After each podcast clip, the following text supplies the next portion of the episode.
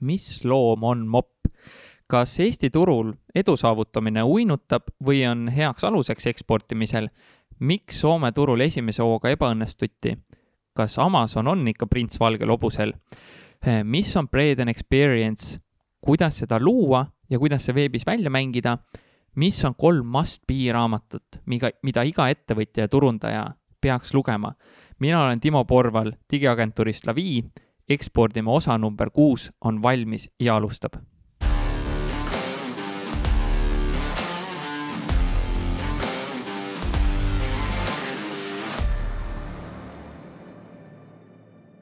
täna on külas naine, kes on oma hobis teinud koos elukaaslase Erkoga miljonitesse eurodesse ulatuva müügiga e-poe ja brändi Breden, kellel on pidevalt mingi äge challenge käsil. viimane kord, kui ma temaga kokku sain, oli selleks teetseremoonia läbiviimine igal hommikul, kellega me üksteist peaaegu kunagi telefonis esimese korraga kätte ei saa, sest meil mõlemal on komme hoida oma telefon kas endast eemal või hääletu peal kellelt mina õppisin Sony veebiakadeemiat salvestades, kuidas ja kui palju rohkem ma saan ise oma kliendist tegelikult hoolida ja tema valu mõista.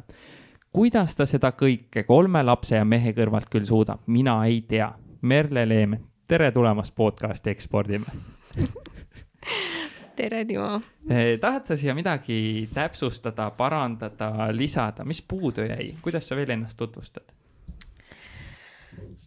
oh,? ei, ma ei, ei, kõik oli väga uhke ja ilus äh, selles mõttes, et ähm, jaa, ma,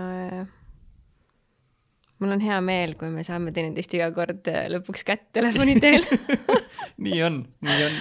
Aga tead, see telefoni värk on nagu mingi paar aastat tagasi umbes ma, ma mõtlesin, kas mul üks sõbrannadest vist keegi ütles, et nagu taipamine, et et kuule, et äh, ma nagu mõtlesin, et need telefonid, et miks on nagu nii, et, et on arusaam, et kui on telefon, see peab nagu kogu aeg Just. olema kättesaadav, et kuskohast see nagu tuleb ja siis oli nagu tegelikult ei peagi, onju, et äh, ja, ja mitte sellepärast, et ma ei viitsi või ma ei taha või ma olen ebaviisakas, vaid mul ongi mingi mõte pooleli või mingi tegevus pooleli, et kui ma tahan ennast inimestele jagada kvaliteetselt, et siis ma ei nagu ei tee, et ühe käega, ma ei tea, söön, sõidan ja siis räägin kellegi telefonis, on ju, noh, et ma olen nagu full on kohal, kui ma juba telefoni vastu võtan. ja nii on, et eh, ma ei tea, vist kolm korda helistasime seda mhm. podcast'i ka, et edasi-tagasi. nagu päkapikk ja maja, vaata kuule, aga läheme selle ekspordi juurde, ütle, kas sa mäletad, mis oli Preedeni üldse esimene müük välismaale? Äh, jaa, selles mõttes, et äh, see tegelikult oli juba Eesti e-poe ajal äh, tellisid siis äh, väliseestlased, üks esimesi oli Austraaliasse saatsime, mis oli nagu väga sihuke huu, äge, on ju, Eestis oli kümme klienti ja siis saadad Austraaliasse.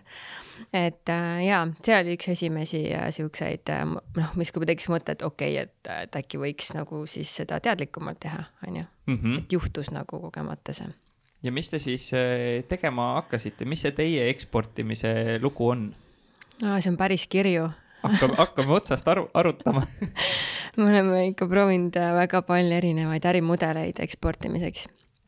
Äh, me tegelikult alguses ja noh, mingi hetk oli tegelikult see, et meil hakkas nagu kosjas käijaid ka, on ju, et tahaks nagu teie tooteid ja võiksin olla nagu edasimüüja ja võiksin nagu neid promoda, on ju Äh, välisturgudel, aga, aga kuidagi need asjad ei läinud alati käima. ja tegelikult me läksime nagu äh, siis alguses eksportiga ärimudeliga, nagu meil oli Eestis, meil tol ajal olid edasimüüjad ja e-pood, oma e-pood. ja, me tegelikult läksime nagu sama mõttega, et davai, et, et lähme siis teeme samamoodi, hakkame edasimüüjaid otsima, on ju, ja e-pood ka, et nagu kaks kanalit justkui paralleelselt, on ju Äh, noh, see ei läinud ikkagi päris nii, et ähm,.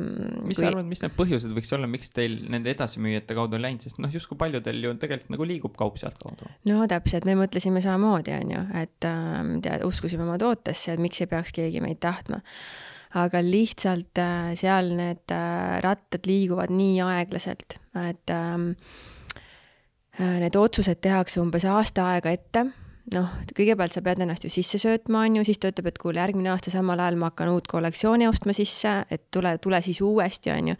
eks see oli hästi pika vinnaga, aga noh, meie olime sihuke startup kind of ettevõte sel hetkel, meil oli nädal aega oli pikk aeg juba, on ju, mis mõttes tule järgmine aasta uuesti et äh, ja siis see niimoodi hakkaski kuidagi venima ja me panime sinna hullu energiat ja me saime aru, et nagu see ei too tagasi et, et see on liiga aeglane äh, mudel meie jaoks. Ja siis me mõtlesimegi, et okei okay,, unustame ära edasimüüjad. me saime paari kohta sisse Äh, aga jällegi, äh, ta paneb lisaks ka ressursid kinni ja kasumlikkus on ilmselgelt väiksem, sa annad ju vahelt ära, on ju. ja, ja mis kõige olulisem meie jaoks tegelikult oli tol hetkel ka see, et äh, me tegelikult ei jõua oma lõppkliendini nagu ise. me ei saa aru, mida ta nagu tahab ja mida ta vajab. Et see oli nagu, need olid nagu peamised põhjused, miks me otsustasime sellise edasimüüja mudeli nagu lukku panna ja, ja, ja siis me hakkasime äh, e-poode tegema Soome ja enam-vähem samal ajal tegime punkt kom'i ja, ja mõtlesime, et noh, kohe hakkabki lendama. maailm on valla wow. aga ei, ei, see ei olnud, see ei olnud üldse nii. Äh, kuigi noh, nipet-näpet siit-sealt ikka nagu tuleb ja, ja siis me mõtlesime, et äh, et aga kui paneks nagu full on, vajutaks gaasi põhja ja ja teeks kõike seda, mida me siin Eestis nagu teeme, on ju. et noh, siis läheb raudselt ju käima. aga Äh, läks küll. nii? aga mm, kulud ületasid tulusid ehk et tegelikult see peamine probleem, mis meil oli, me võtsime endale ühe hooga liiga suured püsikulud. me hakkasime tegema sotsiaalmeediat, meil oli eraldi inimene selle peal, äh, meil oli eraldi turunduse peal Soome inimene, noh, konkreetselt ma räägin siis praegu Soome turust mm. -hmm. meil oli eraldi inimene klienditeeninduse peal, sest see sest see õnnevalem, mida me oskasime, tundsime sel hetkel, oli see, mida me olime Eestis teinud, on ju, ja me ei osanudki nagu mõelda, et see võikski olla ekspordimudel.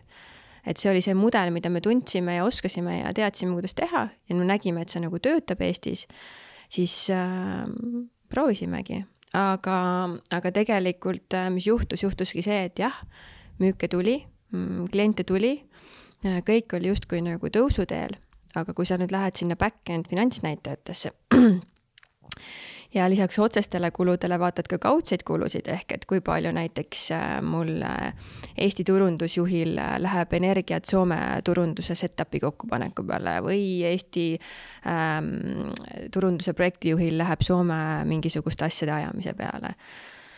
et siis sealt tuli ikka päris äh, korralik realization mm. -hmm. et, ähm, et noh, hästi lihtsalt öeldes oli niimoodi, et Soome äh, sõi ära kõik selle, mis Eesti tootis. Äh, ja, ja tegelikult ähm, võttis meilt võimaluse ka Eestis nagu parandada ärimudelit, sest meil lihtsalt ei olnud ressursse. ja ma ei räägi ainult nagu rahalisest ressursist, vaid ka ajalisest ressursist.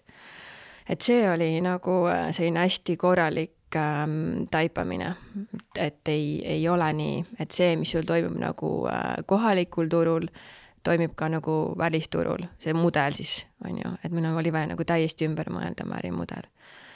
miks te et... muidu Soome valisite? see tundub ju lihtne lähedal. no päriselt nii ongi mm -hmm. ja see on nagu see on nii loll ämber nagu, mida tegelikult ju kõik räägivad ümberringi, aga sul ikka nagu on vaja ise, vaata nagu noorena ka on ju, et ema-isa ütlevad ära nii tee. Ja sul ikka kurat on vaja need ämbrid ise nagu läbi käia. no see oli üks asi, mulle tundus, et see nii loogiline ja noh, nipet-näpet sealt mingid Soome, Eesti siis, Eestis ela-, Soomes elavad eestlased juba ka tegid oste, siis mõtlesime, et noh, samas kliimas, samas kultuuris elavad seal, on ju, et miks siis soomlane ei peaks nagu tahtma. aga noh, nii päris lihtne see valem ka ei ole.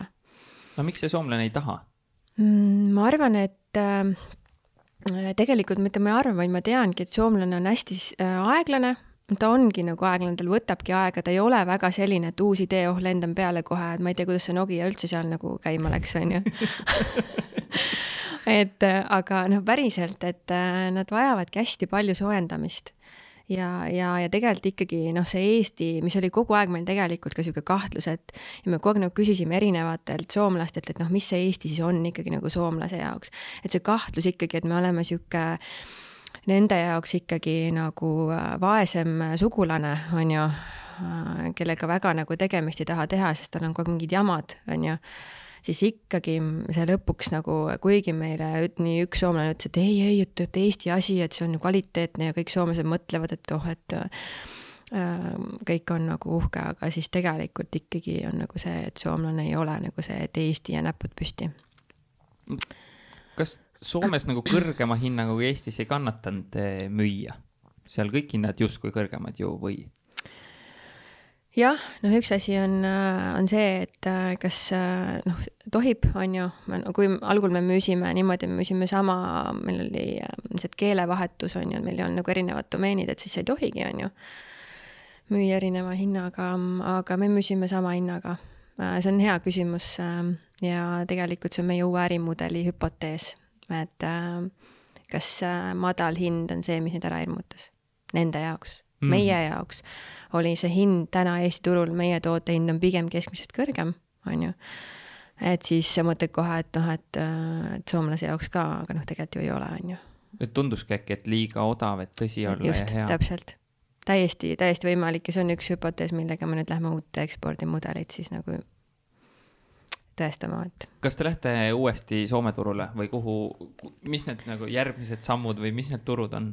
Äh, me natuke lakkusime oma haavu siin äh, kolmveerand aastat, sest et äh, valus oli küll see taipamine aga mis äh, praegult on tegelikult näha, et me võtsime, noh, me tulime täiesti ära, me tulime veebruarikuus täiesti Soomest ära, me, inimesed äh, liikusid edasi, Soome äh, klienditeenindus, turundus, mitte midagi meil ei ole, me võtsime täiesti välja, me lõpetasime FI ära, suunasime kõik kliendid .com-i kliendibaasi, noh, ühesõnaga tegime kogu sellise nagu kliendi kommunikatsiooni ära, et nüüd on Breden Global ja enam ei ole FI-d ja kõik muud jutud et me ei ole teinud nüüd viimase, noh, ongi veebruarikuust saati, on ju, mitte midagi.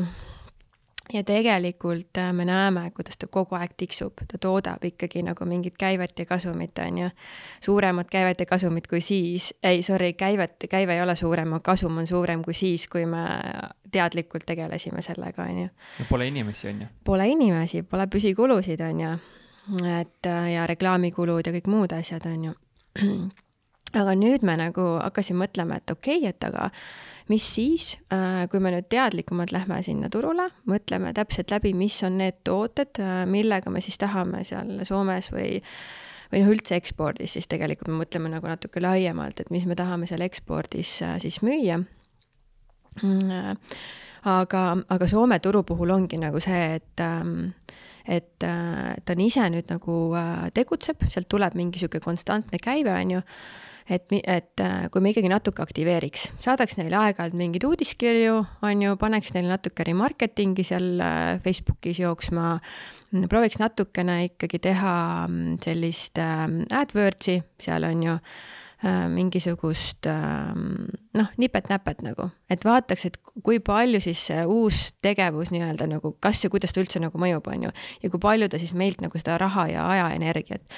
ja noh, teine asi, mis me täna saame teha, me oleme hästi heas kohas selles mõttes, et et see Soome turg täna toodab ikkagi mingit väikest kasumit ja nüüd me saame arvutada, et äh, me teeme neid turunduskulusid mingi protsendi kasumist. ehk et me ei lähe nagu full on, paneme sinna tuhandeid ja tuhandeid ja tuhandeid, on ju, vaid see on nagu reaalne arvutuskäik, et kasumist, ma ei tea, viiskümmend protsenti, on ju, paneme turunduskuludesse ja vaatame, mis siis, mis see ROI seal tuleb nagu, on ju ja kuhu te panete, mis need esimesed sellised nii-öelda konkreetsed kanalid või sammud on, kuhu see nii-öelda minema hakkab? Äh, no ongi, et äh, uudiskirja baas sellele ja, ja remarketingi teeks Facebookis.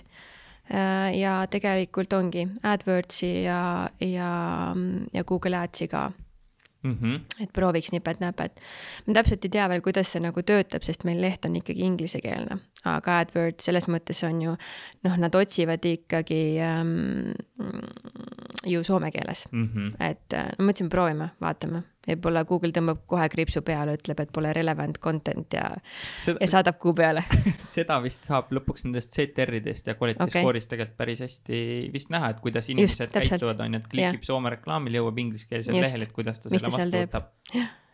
kuidas te selle uudiskirja baasi Soome turul kasvatasite? oi, me võimlesime ikka päris korralikult mm,. Äh, mõtlen no online'is selles mõttes ähm, püüdsimegi teha niimoodi, et nendel oleks nagu see ähm, põhjus uudiskirjaga liitumiseks äh, ja tegelikult äh, kliendiks tegemisel. et meil on püsikliendi programm, et siis, kui sa teed ennast kliendiks, hakkad punkte koguma erinevate liigutuste eest, äh, pluss siis ostude pealt, on ju. Ja tegelikult, mida me veel tegime, oli see, et me tol ajal käisime ka offline'is ikkagi endiselt, et me käisime messidel kaks korda aastas ja seal me tegime ka mingeid happening'e, et ähm, et anna oma email stiilis, anname sulle vastu tasuta mütsi. noh, siukseid asju tegime ja siis meil see ikkagi kogunes päris äh, nagu tublisti. ma ei ütle, et ta väga kvaliteetne meililist on. et see oli nagu üks koht, et äh, kuidas seda kvaliteetsemat meililisti nagu luua et äh, aga, aga ta kindlasti nagu toimis äh, ja, ja muidugi jälle mitte nii hästi kui Eesti oma, on ju, aga ta toimis. mis see, kuidas sa ise seda kvaliteeti hindad, mis näitajate pealt? Äh, uudiskirja Äh, no üks asi ongi siis ähm, open rate, on ju, ja tegelikult ka click-through rate ehk et kui palju nendest reaalselt nagu number üks, see pealkiri teda kõnetab, see bränd üldse nagu justkui kõnetab ja tegelikult siis kuidas see sisu, et äh, kas see sisu oli piisavalt ähm, atraktiivne tema jaoks, et ta teeb kliki ja tahab minna e-poodi ja muidugi siis on sealt edasi, kas ta ostu tegi, on ju, ja mida ta siis lõpuks ikkagi sealt ostis. et ähm, tihtipeale, mida me siin ähm, Äh, ka Eestis näeme, et üks email, mille eesmärk on teha ostu X, ta läheb hoopis teeb ostu Y, et nagu, et seal ei tasu kohe nagu vaadata, aga ta ei ostnud seda püksi või seda mütsi, mhm. on ju. ta ostis hoopis midagi muud, noh, väga hea ju selles mõttes, aga miks, mis ta otsis, on ju, või mi, miks ta ostis selle toote et selles mõttes need kolm, ma arvan, niisugust põhiesmast näitajat. Hansaposti aeg me kogesime ise sama, et näitasime kalameestele kummikute reklaami, nad tulid LCD-ga poest välja okay. kas ma tohin küsida, võrreldes Soomega, mis on need open rate'id ja click rate'id ja võrreldes Eestiga, mis need numbrid on, et kui kuulaja nüüd mõtleb, et ma saadan ka uudiskirja välja, et ma oskaks võrrelda näiteks Predeniga mm? -hmm oo, ei, vist ma ei oska sulle kohe niimoodi numbrit öelda no,, sest ähm, ma, ma oskan sulle öelda selles mõttes suurusjärgu, et need kordades väiksemad kui meil Eestis äh,. noh, tõesti kordades ja see natukene oli nagu selline ka koht, et oota, mis mõttes nagu noh, et me ju noh, põhimõtteliselt teeme sama, mis Eestis on ju, et mis mõttes nagu mitu korda madalam, aga seal tulebki mängu see, et me oleme Eestis tuntud bränd. kõik teavad meid, on ju, noh, selles mõttes meie sihtgrupp teab. et äh, ma ei hakka pudrutama sulle, ma mm -hmm. tõesti ei mäleta neid, ma ei olnud toona ka turunduses nii sees, et ma oleks seal kõrval olnud nendes open rate ides, et ja click rate ides, aga nii ma tean, et ma kogu aeg vaatasin, et oh, et okei okay,, Eestis oli sihuke, aga Soomes oli nagu mingi totaalselt mm -hmm. no kordades väiksem, see kordades, on juba väga hea, ja, väga hea vastus. ja, ja, ja kas te sisuturundust ka, sest ju Eestis on ju blogid, te kirjutate artikleid, harite kliente. kas te Soomes tegite sama asja, et tõlg-, tõlgin ära vastavatele märksõnadele ja nii ongi või? jaa ja tegime. Äh, see oli meil üks äh, ka peamisi turundusstrateegiaid, ikkagi märksõnaotsingud. ja me jõudsime päris tublile positsioonile Google'is ja me teeme ka Eestis seda hästi teadlikult. Äh, et otsisime välja, mis need kõige otsitavad märksõnad on ja, ja panime omal blogidesse need sisse ja ja, ja see toimis nagu väga hästi, et seda organic search'i tuli sealt päris, päris ilusti. Et äh, Eestis on meil äh, pigem ütleme, see direct on seal peamine, on ju, aga jah, orgaanik ka, aga, aga Soomes ta tõusis, oli tõusuteel kogu aeg mm. -hmm. aga nüüd on kõik see nii-öelda .com on ainult siis ingliskeelne, aga selle ekspordisuuna võtate algust siis, et Soome Google Adsi teha, Face'i reklaame või võtate mingid muud riigid veel? me praegu nüüd äh, neljandas kvartalis, noh siin aasta lõpus proovime ainult Soomet aktiveerida, lihtsalt, et tekiks mingi kontekst, aru saada, et mis see miinimum effort on, et maksimumtulemust nagu mm -hmm. tuua. Aga me oleme mm, praegu välja töötamas oma ekspordimudelit ja, ja täiesti teises suunas, me mõtleme a la stiilis one pager, no selles mõttes nagu, et me lähme ühe tootega, näiteks mütsalliga. me teemegi äh, headscarf.com on ju, mis on meil ka registreeritud äh, domeen on ju, et äh, ja minna sellega nagu maailma et meil on erinevaid äh, praegu ekspordimudeleid nagu käsil ja me hakkame neid järjest siin uuel aastal tegelikult äh, katsetama ja proovima. Et sellel aastal äh, noh, ongi, see aasta oli päris keeruline, on ju, et noh, jällegi ähm, kui ma peaks tooma nagu ühe asja välja, mis on ettevõtluses kõige olulisem, et jääda ellu, on see, tee need rasked otsused, ära nagu jää nämmutama sinna. et see, et me sügi-, aasta algus veebruaris selle Soome otsuse ära tegime, thank god sest ma ei tea nagu, mis me oleks teinud siis, kui koroona oleks peale lennanud ja meil oleks kõik need kulud alles püsti olnud, et ähm, et äh, jah, et nüüd meil kogu see ülejäänud kolmveerand aastat ongi läinud siukse tugeva ettevõtte, tugevama ettevõtte ehitamise varjus äh,, valguses ja, ja tegelikult see eksport ongi jäänud nagu varju selles mõttes hästi teadlikult. ja nüüd uuel aastal siis me hakkame nagu teadlikult tegelema sellega, et kuidas seda skaleeritavat ekspordimudelit siis nagu ehitada. Kuidas te üldse nende erinevate mudelite väljatöötamiseni jõudsite, sa mainisid, et erinevad ekspordimudelid, et kuidas, kuidas te sellega pihta hakkasite, kus kohas käia, mida lugeda, et üldse see mõte niimoodi liikuma hakkaks? esimene oli välistamine need õppetunnid, mida me tegelikult Soome turult äh, saime ja mitte ainult Soome turult, vaid tegelikult me oleme ju siin üritanud äh, UK-sse minna, on ju, Rootsi minna äh,, ähm, küll mitte nii äh, intensiivselt ja, ja põhjalikult, nagu me Soome läksime. aga kõigepealt need asjad välistada ära sealt ekspordimudelist ja valemist, mida me teame, et nagu ei tööta äh,. ja, ja lihtsalt äh, olemegi brainstorm inud ja vaadanud ka seda nii-öelda ähm, mida me teeme hästi tihti, on see, et me paneme enda nagu ähm, äri äh, teise valdkonda, et näiteks ma ei tea, kuidas ähm, tehnikamaailmas äh, tehakse asju, noh, ma ei tea, võtame mingit Apple'i näiteks on ju, et kas sul peab olema, noh, Apple võiks ka teha ju televiisoritest äh,, ma ei tea, mis asjadeni välja, on ju, oma, aga tal ei ole, ta on nagu keskendunud oma väga konkreetsetele toodetele, on ju, ja ta püüab nendes olla maailma parim, noh, see asi, kas tal iseasi õnnestub või ei õnnestu, see on juba teine arutelu, on ju. aga, aga põhi, igasugused sellised, et otsida teistest valdkondadest neid nagu siukseid nippe ja trikke, et jälgida nagu, mis turul üldse toimib, toimub. et äh, sellest me oleme nagu äh, ja noh, tegelikult rõivamaailmas ka, et äh, et kuidas ja jälgida, kuidas sind target itakse, on niisugune väljendus, ühesõnaga sihitakse, ütleme siis nii, on ju, et, et sa tarbijana, et kuidas need välis, välismaa brändid siis sind igal pool püüda üritavad, et ja mismoodi see nagu toimib, et sealt nagu tekivad need erinevad ideed ja, ja me hästi palju brainstorm ime, mõtleme nagu tiimiga ka, et kuidas seda teha mul jäi tutvustuses äh, ütlemata, et me mõlemad fänname sellist meest nagu Jay Abraham yes. sealt tuli lihtsalt, kui ma kuulan, kuidas sa paned enda ärimudelit teistesse valdkondadesse, et sellepärast äh, ma olen öelnud ka, et seda podcast'i tasub kuulata, et kui sa oled e-kaupmees, siis ja. kuula, mida tootjad räägivad ja vastupidi, et see lihtsalt, see mõttelõng hakkab sealt arenema. ja, ja äh, hästi, noh, see on nagu nii väärt, et et nüüd ka, kui me olime siin ühes kasvuprogrammis olime sees, et samamoodi seal olid kõik täiesti erinevad valdkonnas, alates äh, kütuse äh, müügipilve viimisest kuni, kuni ühesõnaga noh, kõikvõimalikud, mis seal kõik olid, äh, šokolaadimüügid. et täpselt nende valud ja probleemid, on ju, mis nendel on, on tegelikult täiesti, sa saad tõmmata nagu paralleele ja vaadata, kuidas nemad lahendavad oma valdkonnas seda, on ju, mis on, kuidas see klient käitub seal ja kõik muud asjad. mis kasvuprogramm see oli?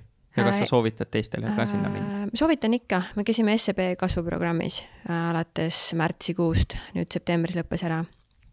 et äh, väga soovitan meie saime enda jaoks ja väga õigel hetkel jõudis meie jaoks, meieni see. et me läksime sinna tegelikult nagu hästi selge teadmisega, et me ei lähe sinna tegema sensoritega müts halli, mis justkui on nagu, et sihuke innovatsioon on ju, et kümnekordne kasv ja, ja, ja kõik muud asjad. meie jaoks tol hetkel oli hästi oluline äh, luua äh, innovatsioon ärimudelis ja me tegelikult läksime seda tegema ja me tulime sealt tagasi oluliselt teadlikuma ja tugevana ja tegelikult me saime ka nii-öelda oma homse potentsiaalse skaleeritava ärimudeli sealt. et noh, ise me oleks kaks korda kauem seda teekonda käinud, et seal ikkagi tõmmatakse sind ähm, molekulaarosadeks äh, lahti ja küsitakse su käest iga päev, et äh, mis sa siin oled ja miks sa seda teed kõike, et äh, hästi, ma ütleks siis võib-olla ebamugav, aga väga vajalik et seal peab olema hästi tugev motivatsioon, et seal oli ka ärakukkujaid. ja, ja ilmselt nad ei näinud nagu pointi selles, aga nagu meie nägime no trennis on, trennis on ka ebamugav, pärast on ja. ju hea, on ju. ja, ja vaata, seal on see, et see on see treeneri efekt, on ju, et treener ütleb, et nii, kümme, on ju, seda ma, ma oleks viis teinud heal juhul, on ju mm -hmm.. treener ütleb, teed kümme, teed kümme ära, et okei okay,, päriselt ja järgmine kord teeme kaksteist, on ju. see täpselt sama efekt nagu. kas see oli mingi tasuline programm? Äh, see ei olnud tasuline, selles mõttes ta oli, noh, ta meie jaoks ei olnud tasuline ähm,. aga, aga seal peab kandideerima ja nad valivad sinna siis ikkagi äh, ettevõtted, äh, kes sinna saavad, et see päris nii ei ole, et igaüks saab mm. -hmm. ma küsin korra selle kohta, et te nüüd lähete ühe tootega, on ju, mütshall.com piltlikult äh, võib-olla aga, aga jah, meil mõtted nagu liiguvad selles suunas, et me ei lähe nagu full range'iga, et see ei ole mõistlik ja siis te selle domeeni peale ehitategi siis ühelehelise veebi või mis see nagu plaan on, kui te lähete nüüd näiteks sellega edasi, et mis need sammud seal on? Äh, jah, täpselt, et teha ennast äh, turul, kus ei ole mitte keegi, siis ühe selle toote eksperdiks. et sa suudad selle ühe toote sellele kliendile nagu nii selgeks teha ja panna ta mõistma, et miks ta seda ühte toodet vajab. et see on palju lihtsam kui öelda, miks sa seda brändi vajad, on ju et äh, ja ma arvan, see ongi nagu see, et see, see on ühe toote, nende materjalide, selle valu ümber ehitatud nagu ähm, e-pood, et mis üks valu on, mida me lähme nagu lahendama.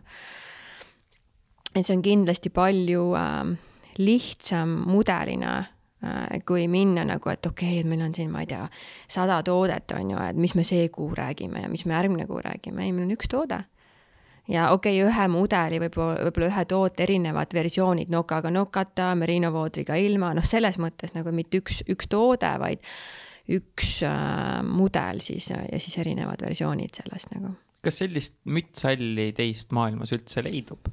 see on unikaalne toode, sensorid on puudu veel, aga. sensorid on puudu jah um,. kuidas ma nüüd ütlen mm,? Me olime esimesed mm, -hmm. kes selle tegid aga me ei ole enam ainsad, kes seda teevad.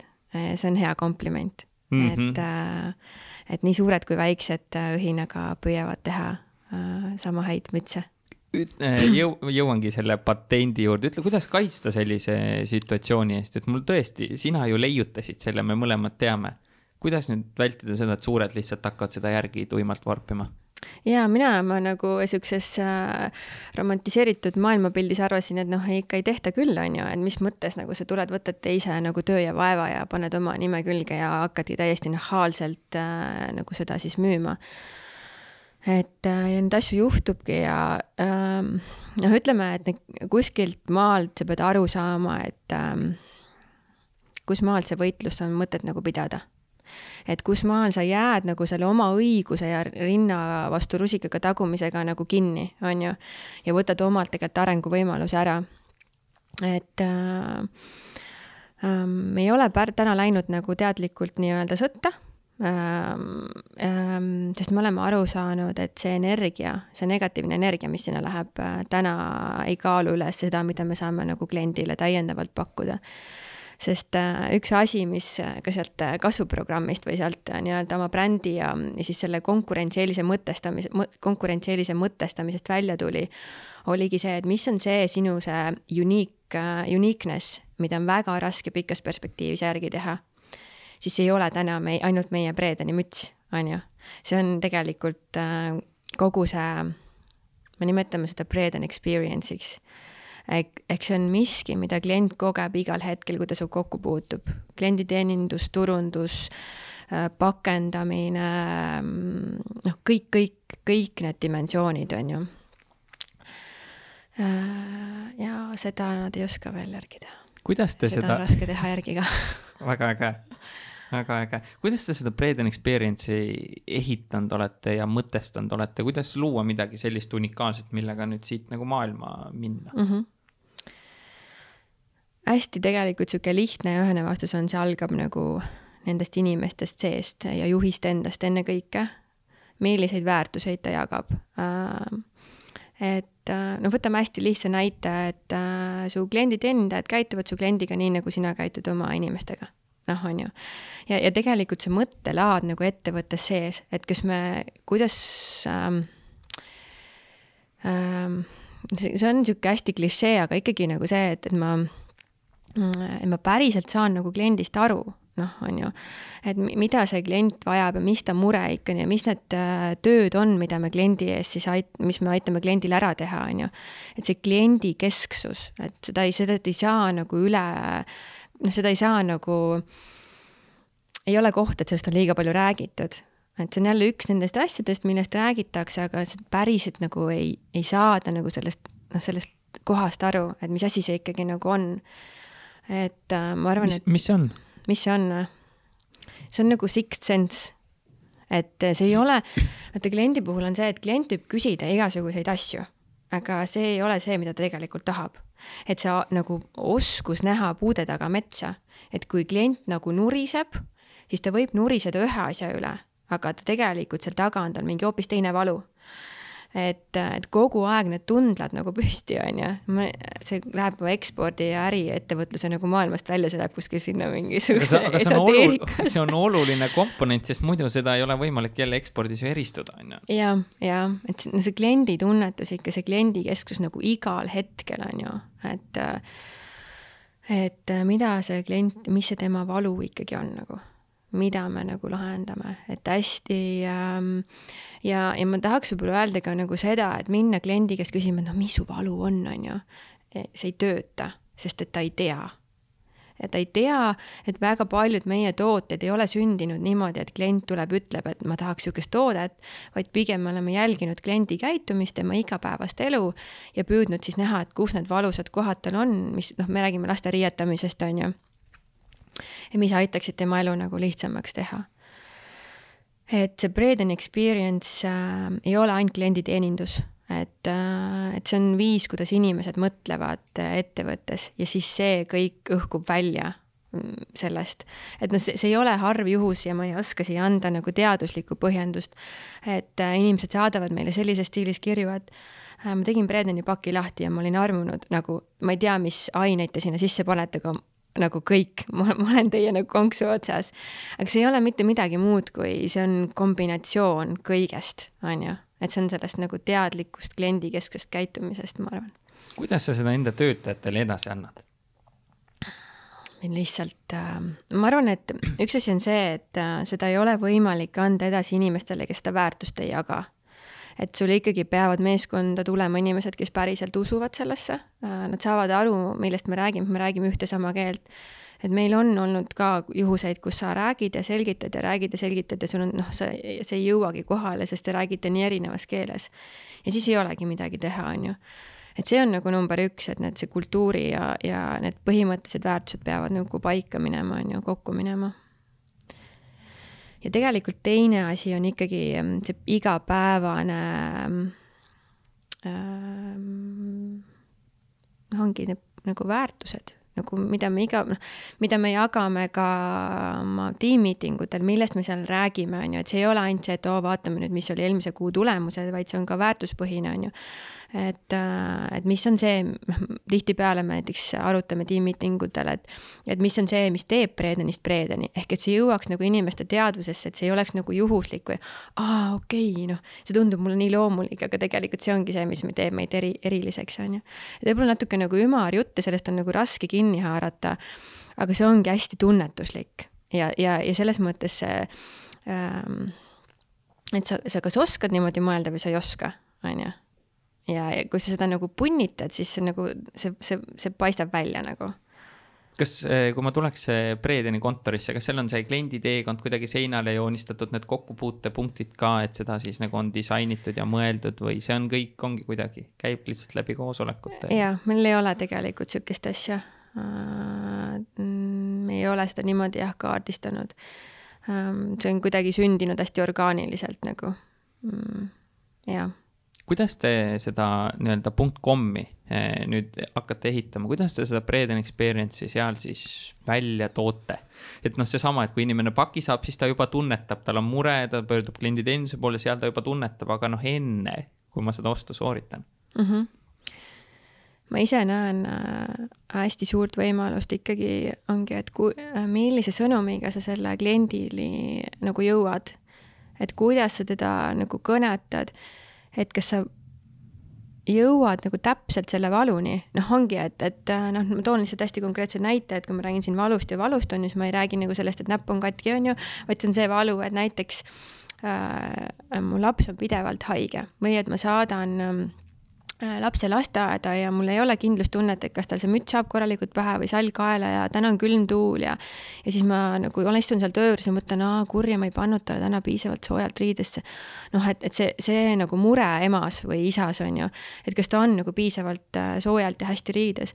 et kuidas sa kõnetadki täpselt nagu spot on nagu selle, selle valu läbi, et aa, nad saavadki aru, et see ongi päriselt ju see thing, on ju või noh, materjali läbi, et need Merinost, kui me räägime, on ju, et ähm, et, äh, et kuidas see Merino ikkagi aitab, et kui mul on nagu laps, kes tohutult higistab, on ju, ja see peamine mure mul vanemana ongi, et ta higistab ja ta saab jälle külma seal lasteaias, siis kui ma panen talle Merino voodriga mingi toote, siis ma tean, et las ta higistab et tal ei juhtu mitte midagi, ta ei tunne külma, jah, materjal saab niiskeks, aga ta ei tunne külma, on ju.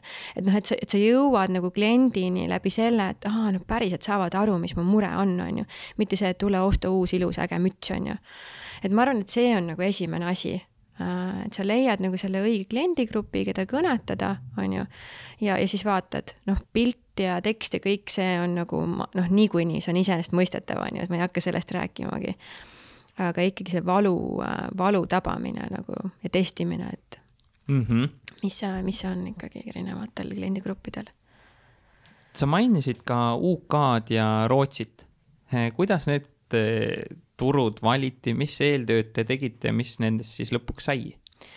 ma ütleks niimoodi, et meie suurim õppetund tegelikult täna ikkagi on olnud see, et me ei ole piisavalt teinud enne eelnevat turuanalüüsi ähm, Äh, siis selles mõttes turuanalüüsi, et me oleme lennanud peale äh, ja hakanud tegema kõiki neid asju, nagu me nüüd siin, nagu me Eesti turul teeme. aga, aga me oleme nagu liiga suurte riskidega läinud. noh, UK puhul on nagu väga konkreetselt nagu see hea näide, et, et sul ähm, seal turul ei ole mütsi kandmise harjumust Nad lihtsalt ei kannagi mütsi, seal on äh, kahekuused tited on vankris, ilma mütsideta tuul eest ja tagant on ju Äh, ja sa vaatad nagu, mis mõttes ja, ja nii ongi. võta siin veel, ähm, ma ei tea, madalmaad, noh, samamoodi on ju lapsel tatt jookseb mõlemast nina poolest ja ta lihtsalt on mingi näpuotsad punased, mütsi peas ei ole, istub seal vankris ja siis ema kõnnib endale müts ja sall peas ja, ja nii ongi. et sul ei ole mõtet sinna turule minna, sa ei, noh, sa ei muuda neid harjumusi seal. ja UK puhul oligi tegelikult hästi konkreetselt see, nad, nendel ei ole lihtsalt sihukest äh, riiete kandmise harjumust. noh, kliima on teine, on ju, palju selles mõttes pehmem kliima kui meil, on ju, et ähm, ja noh, Rootsi puhul oli see, et noh, siis me olime lihtsalt hästi toored ja noored ja üldse me ei saanud päris hästi aru, mida me teeme, et see jäi sinna päris esimestesse aastatesse, et me võib-olla seda siin isegi nagu niimoodi kuidagi õppe, mis õppimiskohana nagu ei noh, toona oli, aga täna on see lihtsalt juba niisugune võib-olla iganenud et aga noh, UK-sse ka me tegelikult läksime läbi Amazoni, on ju. ja kui me üldse nagu siin sellest räägime, Amazonist kui ekspordi ühest väljundist, on ju, siis jällegi meie puhul, mis oli peamine õppetund, et, et kas see Amazon, mis tundub nagu kõigi võimaluste maa, on ju, et noh, et Amazon, pane ainult toode üles ja miljonid hakkavad tulema, on ju. ei olegi nii või? siis kõik need, kes on nagu praktiseerinud, teavad, et see ei ole nii, on ju. et ei ole seda printsi valgel hobusel, on ju, olemas sihukest asja et aga noh, hästi konkreetselt ja lühidalt öeldes meie puhul Amazon lihtsalt on liiga pika rahavoo tsükliga. et sa pead sinna panema hästi palju äh, ressursse kinni, on ju, äh, ja, ja tegelikult ka kasumlikkus, on ju, et äh, ja, ja tegelikult, mis ma võib-olla veel ütleks enda kogemusest, on see, et ta on ikkagi täitsa, et see ei ole niisugune asi, et ma panen Amazoni üles ja las nad seal olla vaid see on nagu reaalne, reaalne kanal, millega sa pead igapäevaselt teadlikult tegema, samamoodi märksõnad, kõik otsima, vaatama, mida klient otsib, mida ei otsi, mis, mis märksõnade peale reageeritakse, noh, see on nagu, see on täitsa teine maailm ja sinna peab võtma hästi teadliku ressursi ja aja, et sellega nagu tegeleda. meie ei võtnud, see andis ka tulemust selles mõttes, et jah, me müüsime aga, aga see on kindlasti kasumlik projekt ja teine asi oli see, et me nägime, et see ei astu meie nagu eesmärgi, ärimudeli eesmärgiga nagu ühte sammu. et meie eesmärk on võimalikult kiireks see rahavootsükkel nagu ajada. alates siis nagu tootmisest kuni müügini, et see periood oleks võimalikult lühikene, aga seal ei ole see võimalik kas te seda Amazoni asja hakkasite täitsa nii, et võtan Youtube'i lahti, kuidas Amazonis müüki teha või võtsite mingit abijõudu või meil kuidas oli see käis?, meil oli ka abiks äh, seal ähm, tegelikult tublid, tublid tegijad, kes aitasid meil ikkagi selle asja, me algul läksime, tead, natuke jään siin vastuse võlgu, sellepärast et see oli rohkem toona ERKO projekt. me läksime algul vist ikkagi niimoodi, et me ei võtnud kedagi omale toeks ja me proovisime ja, ja me fail isime seal ja me võtsime omale, oh jumal, see oli päris hirmus. me USA, USA siis Amazoni Äh, läksime ja panime sinna mingid tohutud kogused mütshalje teele. ja siis meie transpordipartner pani nii hullult pange, et äh, meil jäid tolli kinni need mitmeks kuuks. nii et meil hooaeg sai otsa, meil olid mitmekümned tuhanded tollis kinni. ja see ei olnud üldse mingi väike transpordifirma, see oli täiesti, ma ei hakka seda nime ütlema, aga see oli täiesti tuntud tegija, et, et uurige ikkagi enne nagu, et kas neil on kogemus äh, nagu sellega. mis küsimuse sa oleks pidanud küsima, mis oleks välistanud selle jama teie jaoks ähm,? sa mõtled konkreetselt selle transpordifirma puhul või äh,? ongi, et kas nad on enne teinud seda? kas nad on äh, nagu USA-sse äh, näiteks Amazoni saatnud ja mis noh, meid, me nagu, sa nagu eeldad, et kui sul on suur tegija vastas, et ta teab neid asju, ta teab neid tollinõudmisi ja kõiki muid asju, aga ta ei teadnud, ta ei olnud kursis ja see oli väga valus ja noh, me siin nagu ma arvan, et me lõpetasime nende haavade lakkumise sihuke eelmine aasta ja me olime üle aasta seal ikkagi nagu see jooksis kogu aeg rahavoog miinusesse tänu sellele. meil oli nagu jah, et, et see on hästi oluline ja siis tuli üks sihuke väiksem tegija ja ütles, et noh, et nii, nii, nii ja olekski olnud kõik korras, on ju aga kui see ei oleks tolli kinni jäänud, kas see oleks võinud olla tegelikult kasumlik projekt ja kas te võiksite seal täna ka tegelikult müüa? Ähm, ma ütlen pigem ei, jällegi sellepärast, et ähm, see on nagu hästi ärimudeli keskne, on ju, et äh, meie puhul jällegi on see, et see Amazoni ähm, see, millal tema sulle ähm, rahad kannab, on ju viitega, on ju, ta maksab kõigepealt endale ära kõik need summad, on ju, vahetasud, ja siis ta maksab selle, mis üle jääb, maksab sulle. need summad tulevad viitega ja sealt on ju kasumlikkus palju väiksem, ehk et kui sa oled kui rahavoog on äh, sinu jaoks äh, nagu väga oluline ja mis ta nagu alustaval ettevõttel on, on ju üks peamisi muresid, kasum on nagu teise järgi, nagu rahavoog on nagu peamine. Et ta võtab ikka need rahavood päris kinni, sa paned ikkagi ja teine asi on see, et sa mõtled, et ma saadan sinna viis mütsi, vaatan, kuidas läheb mm. -mm sul peab olema, sul ei tohi tooted otsa saada, sest nii kui sul toode otsa saab seal, siis ta paneb su nii-öelda, seal oli vist isegi account'id läksid kinni ja ühesõnaga hull jant oli sellega ühesõnaga. ja sul peab kogu aeg ka tootevalik olema nagu seal olemas. et sa ka seal search ides välja tuleksid ja, ja no seal on ka see ühesõnaga, sa hakkad koguma nagu seda usaldusväärsust siis seal sellega, et kuidas su tootevalik on ja kas sul tooted otsa saavad mm. -hmm. mul tuli meelde, et korra jäi see patendi jutt pooleli, kas te olete kaitsnud ka kuidagi ja kuidas vältida seda, et need suured ikka järgi ei tee siis? me oleme kaitsnud ja see tegelikult on olnud tulemuslik äh, selles mõttes, et äh, patendivolinik võtabki ühendust, viitab sellele patendile, mis meil on, on ju, meil tegelikult tööstusdisaini lahend on meil, patent ei ole nagu õige sõna. Mm, -hmm. et tegelikult on see tööstusdisaini lahendus, millele me kaitse nagu äh, võtsime. Ja, ja see, ja see on tegelikult siis äh, see mm, nii-öelda alus. Ja, ja see on toiminud küll, aga ma ütlen, kuidagi üldse nagu mitte üleolevuse mõttes, vaid need, need, need kopeerijaid on järjest siin nagu nii palju, et see, noh, see päriselt võtab nagu nii palju energiat ja, ja, ja ka raha selles mõttes on ju, et me ju iga kord patendivolinikule ka ju maksame selle eest, on ju. et, et see ei ole täna mõistlik, meil on nagu palju suuremad kohad, kust võita, kui iga, iga nagu kopeerijaga siin nagu sõtta minna aga kui see tööstusdisaini lahendus võtta, mis see summa on, mis see kaitsmisele circa kulub?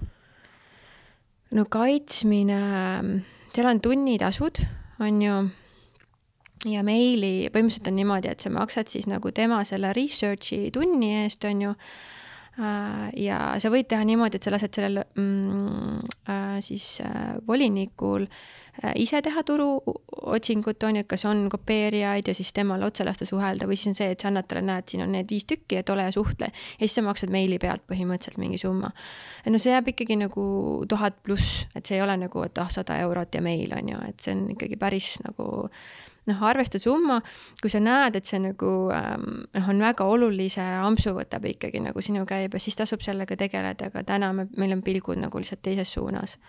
et seal noh, see, ta ei ole täna nagu, ütleme nii, ego tahaks nagu võidelda, on ju mis mõttes nagu, aga noh, sa pead nagu andma aimu, et aru endale, et see ei ole nagu see võitlus, mida täna pidada. tulevikus võib-olla jah aga selle kaitse te võtsite nagu Eesti turu jaoks ainult või see on kuidagi laienev maailma või? Äh, meil on ja laiem, et äh, meil on ähm, Venemaa, Euroopa ja USA. et ähm, ja see noh, selle patee-, ütleme siis selle tööstusdisaini lahenduse nagu see kaitse saamine, see on ka omaette nagu protsess. et see seal noh, USA on üsna sihuke pika vinnaga ja seal võtab nagu aega nende ja seal nende pool aastat vist oli see, kus nad seda käitlevad, seda nii-öelda request'i ja noh, ühesõnaga see on niisugune pikk, pikk tegemine. ega ma ei ütle, et seda ei tasu teha, kindlasti tasub täna lihtsalt meil on see kaitse olemas ja ühel hetkel on meil see võimalus, et siis sellega nagu tegeleda mm. -hmm. sa mainisid, et eh, algusaegadel te ei teinud eriti head turuanalüüsi. kuidas te täna seda turuanalüüsi teete, mis asju te jälgite, vaatate, et neid ämbreid enam ei kolistaks? Üks asi, millest me väga selgelt äh, saime aru, et meie puhul on kliima äh, et noh, me alustame kõigepealt sellest, et kuna meil on sessoonne, noh, äri on ju selles mõttes, et meil on nagu toode, ütleme, see meie põhitoode on ju äh, on ikkagi sihukese kliimaga riikides, kus on neli, circa neli hooaega, on ju, et sul ikkagi läheb sinna nulli ja miinuse poole peale, on ju. et äh, see on üks nagu nii-öelda esimene asi, aga noh, teine asi ongi siis see, et äh, mida äh, Äh, mida, milline on see kliendi käitumine, nagu ma enne tõin nalja, et teatud riikides sul ei olegi seda mütsi kandmise harjumust, on ju, et sa mõtled küll, et jaa, temperatuur on seal nagu küll niisugune, et võiks, on ju, aga see kliendi nagu käitumine, mis seal on, et need on nagu niisugused esimesed suured asjad, mida me nagu äh, vaatame.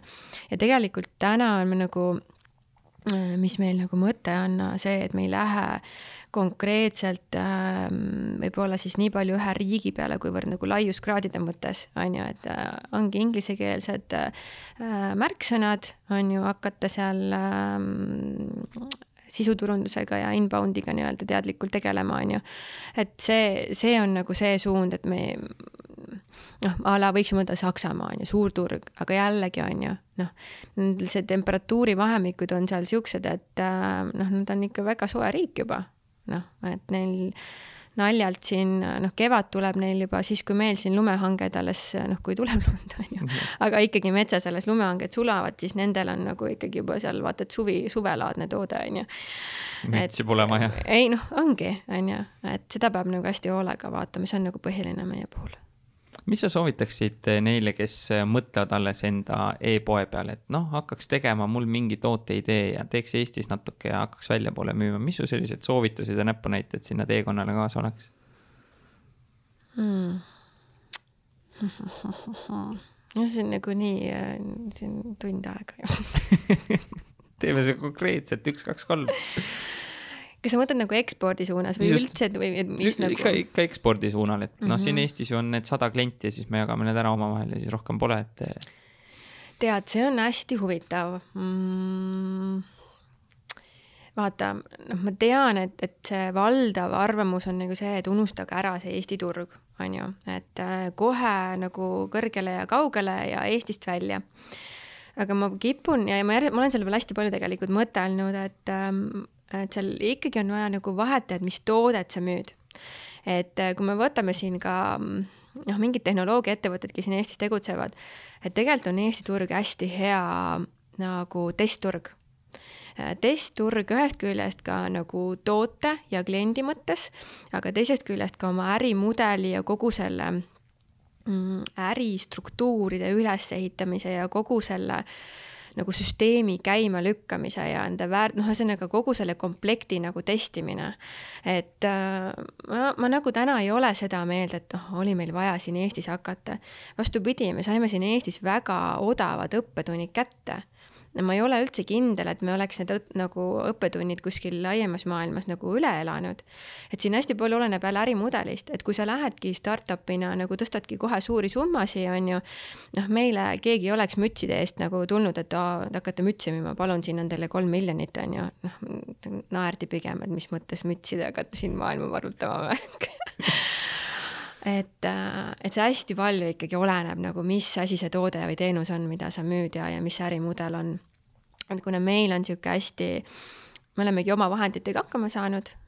jah, meil on nipet-näpet siin olnud abistajaid, on ju, aga me ei ole nagu ähm, kaasanud raha sellisel kujul äh, ja omanike, omanike ring on ka ainult siis mina ja Erko, on ju. Me ei ole ka osalust ära andnud, et, et see on nagu, selles mõttes on Eesti olnud nagu hea õppimislava. ma, ma ei ütleks nagu, et kohe, et noh, alati kohe välja, natuke tuleb vaadata et kuidas need rahalised ressursid ka on, sest ilmselgelt see raha, mis sa täna siin Eestis turunduses maksad, on hoopis teine, mis sa maksad nagu väljaspool Eesti piire, on ju, need kordades kasvavad, on ju. et kui sul ei ole alguses väga palju raha ja, ja sul mingi tunnetus on, et ma, ma ei taha ka tegeleda nii-öelda raha kaasamisega, mis on ka väga okei okay.. vahepeal, see on niisugune võib-olla minu agenda puhtalt, aga vahepeal ma tundsin, et nagu kuidagi läks see ettevõtlusmaailm nagu sinnapoole, et noh, ainus õige viis nagu äri kasvatada on raha tõsta mm,. okei okay noh, nagu ei relate'i väga, et äh, võib-olla ja teataride puhul ma saan aru, see on täiesti möödapääsmatu, on ju. aga, aga see ei ole nagu ainus tõde, mulle tundub mm. -hmm. mis see kogu Covidi aeg Bredenile õpetanud on mm,? väga palju, nagu päriselt selles mõttes, et ähm, see aeg oli väga raske. ma just äh, kirjutasin ühe raamatu tarvis ühte artiklit ja käisin oma mm, kevadisi äh, märkmeid äh, läbi, mis ma oma päevikusse olin kirjutanud. ja mu peamine peamine märksõna oli see, et kui sa usud, siis te tulete sellest, siis me tuleme sellest välja nagu. et, et see natuke hakkab tuhmuma, see emotsioon seal on ju, või see juba see valu, mis seal oli. aga see oli päris hirmutav, sest et meil ei olnud õrna aimugi, mis saama hakkab, meil käibed kukkusid, nii nagu kõigil teistel äh, me ei teadnud, kui kaua nad kukuvad, kui sügavale nad kukuvad, me tegime mingisuguseid spekulatsioone, me tegime oma mm, aasta eesmärgid ümber. Ähm, aga, aga need spekulatsioonid olid täpselt sellised, et noh mitte keegi ei teadnud, ka nagu Keskpank ja, ja Swedbank rääkisid täiesti erinevat juttu, et noh, selles mõttes seal ei olnud nagu ühte seda, et noh, läheb nii ja nüüd võta, noh, ma ei tea, tee siin väikseid korrektuure oma eelarves, on ju. et see oli hästi suur teadmatus ja hirm ja ma arvan, et kõik nagu saavad aru ja kõigil oli see enam-vähem niisugune tunne, on ju. aga selles raskuses leida see võimalus ja näha ära, et kus siis meil on praegu siin võimalus, oligi see, et ähm, me hakkasime tegelema oma ettevõtte, me saime aru, kui haavatavad me oleme. me olime nagu väga haavatavad, et äh, see nina käis ikka seal vee all väga tihti ja korralikult nagu ära. ja me võtsime omale eesmärgiks äh, luuagi tugev jätkusuutlik ettevõte. et kui me viimased äh, viis aastat oleme tegelenud kasvu üleelamisega, noh, et see võib-olla, kellel ei ole nagu kogemus, siis tegelikult see, sa vaatad küll, et oh kui uhke, et iga aasta siin duubeldasid oma käivet, on ju, aga see on nagu retsilt raske et, äh, et need lained, need kasvulained ikka käivad sul nii üle pea ja seda ettevõtet nagu ohjes hoida. see rong liigub lihtsalt nii kiiresti ja sul ei ole võib-olla oskusi ka veel nii häid, on ju. et kuidas seda rööbaste peal seal hoida. et siis äh, see oli meie kevade number üks eesmärk, et me hakkasime vaatama, kuidas luua jätkusuutlik ja tugev ettevõte. mis see tugev, tugev ettevõte tähendab teie jaoks ähm,? kulud ongi number üks oli see, et me vaatasime üle oma kulud, me mm, tegelikult tulime oma OPEX-is alla oh, siin ähm, nelikümmend, viiskümmend, kuuskümmend protsenti. et see on nagu uh, OPEX ehk siis nagu operational expenses nagu te, ütleme, tegevuskulud uh,, nii põhi, nii püsikulud kui ka tegelikult ka püsikuludest tulime alla, kui ka jooksvatest kuludest tulime alla uh, ja, ja ka noh, mis seal salata, meil tuli ka teha kärpeid äh, meeskonnas. Äh, et ka palga, noh, ongi palgakulus ehk püsikuludes nagu alla tulla. et äh, ja, ja vaadata üle oma protsessid, et kus me täna nagu laristame. et kus, kus me täna teeme kahe inimesega, kuidas saaks nii, et me teeks nagu ühe inimesega. ja me tegime selle ära ja, ja täna nagu need inimesed, kes tundsidki, et oota, mis mõttes, et see pole võimalik, on ju. ja täna on nagu see koht, kus on küll ja väga hästi on võimalik, lihtsalt oli vaja rohkem teadlikkust, paremaid äh, mõõdikuid ja paremat protsessi ja süsteemi et äh, ütleme siis niimoodi, et äh, võib-olla veel kokkuvõtlikult, et see oli selline headel aeg- aegadel halbade otsuste äh, nagu siis parendamine. aga nüüd ma saan aru, et see ettevõte on tugev, et tegelikult ka valmistuda ette kogu selleks eksportimiseks ja sinna Just. välisturgudele minekuks on ju. täpselt, täpselt nii, et, et kui, et see kasumlikkuse kasvatamine oli meie nagu number üks. mitte ainult noh, et rahavood ka, on ju, et, et see sul see ähm, jah, et sul oleks kontol vahendeid nii-öelda on ju, millega seal opereerida. aga, aga see kasumlikkuse pool, et jätkusuutlikkus, et kuidas nagu seda kasvatada mm. -hmm. enne, kui me võtame ette selle ploki, mida ma küsin kõigilt, see viis viimast. meil on eh, selles ekspordi Facebooki grupis eh, kuulaja kaks küsimust. Kerri Konno küsib, et kas tulevikus te võtate ette mingi konkreetselt uue turu, teete selle olemasolevale pivoti või teete siis poe kohe üle kogu maailma? ja ma natuke siin põgusalt pa paitasin jah rääkisid? puudutasin seda teemat äh,. Äh, jah äh,, me, nagu ma ütlesin, me uuesti katsetame natuke seda Soome turgu. Vaatame, mis ta, kuidas nüüd nagu väiksemate kuludega, mis seal nagu juhtuma hakkab, sest et näha on, et seal sooja klient ikkagi on, kes tuleb tagasi ja tahab uuesti saada. kuidas teda panna rohkem ostma, see on nagu peamine, tihedamini ostma. ja teine asi siis ähm, noh, pivoti mõttes, et äh, jah, seda võib ju pivotiks nimetada, et kui me ennem läksime nagu Eesti ärimudeliga eksportima, siis nüüd me kindlasti teame, et me ei lähe. et see on nagu kindel õppetund ja, ja see on asi, millele me peamegi vaatama otsa ja, ja siin ei ole jälle nagu, me peame katsetama hakkama, me lihtsalt peame proovima hakkama, mis nagu töötab, olema hästi teadlikud, minema konkreetse strateegiaga ja, ja pidevalt mõõtma ja proovima ja katsetama ja olema rohkem võib-olla ka siis valmis kohe reageerima, et äh, ja, ja kogu aeg, noh, üks asi, mis, mis me nagu endale võtsime eesmärgiks ekspordi puhul, me saame endale täna seda lubada, et ta peab olema kasumlik. et me, kuna me oma rahadega opereerime, äh, siis äh, see eksport ei saa täna ära süüa nagu kogu kasumit et muidu meil kohe tekib, noh, õhk saab otsa, on ju, me ei saa jälle kasvada jälle uusi asju. et see saab olla nagu, me võtame rahulikult, meil ei ole tegelikult kuskile kiiret, on ju, meil ei ole vaja kellelegi midagi tõestada selles mõttes. me tahame mõelda suurelt ja me tahame nagu jõuda kaugele Eesti asjaga, aga meil ei ole vaja nagu üle tõmmelda, et võtame rahulikult, vaatame, mis töötab, mõõdame, jälgime ja, ja püüame olla kasumlikud ka selle mudeliga. mulle see kasumliku ekspordi mõte väga tegelikult meeldib mm., et ei lähegi põletama suurte Jah. tikkudega raha. jah, just täpselt. ja see on kuidagi nagu tervem, terv-, täna tundub nagu sihuke tervem mõttelaad ka, et ei ole vaja nagu minna kohe tõesti äh, ribadeks tõmbama. miljonit mütsi müüma, pigem müüa kümme tuhat, jah. kasumiga. jah, täpselt, on ju. ja, ja päeva lõpuks, no mis ma ise ka nagu mõtlen, tegelikult ei ole päeva lõpuks vahet, et kas me saavutame nüüd ettevõttega oma selle BHAG-i ehk Big Hairy Audacious Goal'i äh, tegelikult kahekümne või kahekümne viie või kolmekümne aasta pealt, tegelikult ei ole päeva lõpuks sellel vahet, et miks siis nagu tõmmelda, on ju. et äh, proovime ja vaatame ja, ja mis saama hakkab ja Tauri Laane küsis, kas Breden Kiits on LinkedIni ka kasutanud ja mis eesmärgil? ei ole, sest meil on B2C on ju, et äh, meil ei ole, me läheme otse lõppkliendini on ju, tarbijani välja ja me ei ole täna nagu näinud seda LinkedInis nagu seda kohta. võib-olla seal on midagi, mida ma ei tea, aga jah, ma täna ei ole nagu näinud seal. kui te veel tegelesite nende edasimüüjatega, siis need edasimüüjad tulid ise, et neid te LinkedIni kaudu otsisite, ei otsinud? toona ei otsinud me pigem tegime tookord, vot see oli koht, kus me tegime väga tugevat turuanalüüsi edasimüüjate osas, et kes on need turul tugevad tegijad, kellega tasuks ühendust võtta, kes on äh, selles valdkonnas äh, nii-öelda noh, näiteks ongi Merino valdkonnas seal mingist äh, meie mõttes, mõttes nagu äh, matkasport stiilis poed on ju, kelle, kes, kes tarbija oskab nagu väärtustada seda et seal me tegime hästi tublit tööd, aga LinkedIni me ei, me ei kasutanud või kuidagi ka reklaamimisel või, või kontaktide otsimisel. Läksime otse kohe mm -hmm. no, ukse taha koputama. Enne- otsid kotis enne kui ma selle viis viimast võtan, ma küsin, kas ma oleks pidanud midagi küsima sealt ekspordi suunalt, mida ma ei küsinud või mida sa tahaks jagada kuulajate-vaatajatega? hmm. tead, ei ole vist.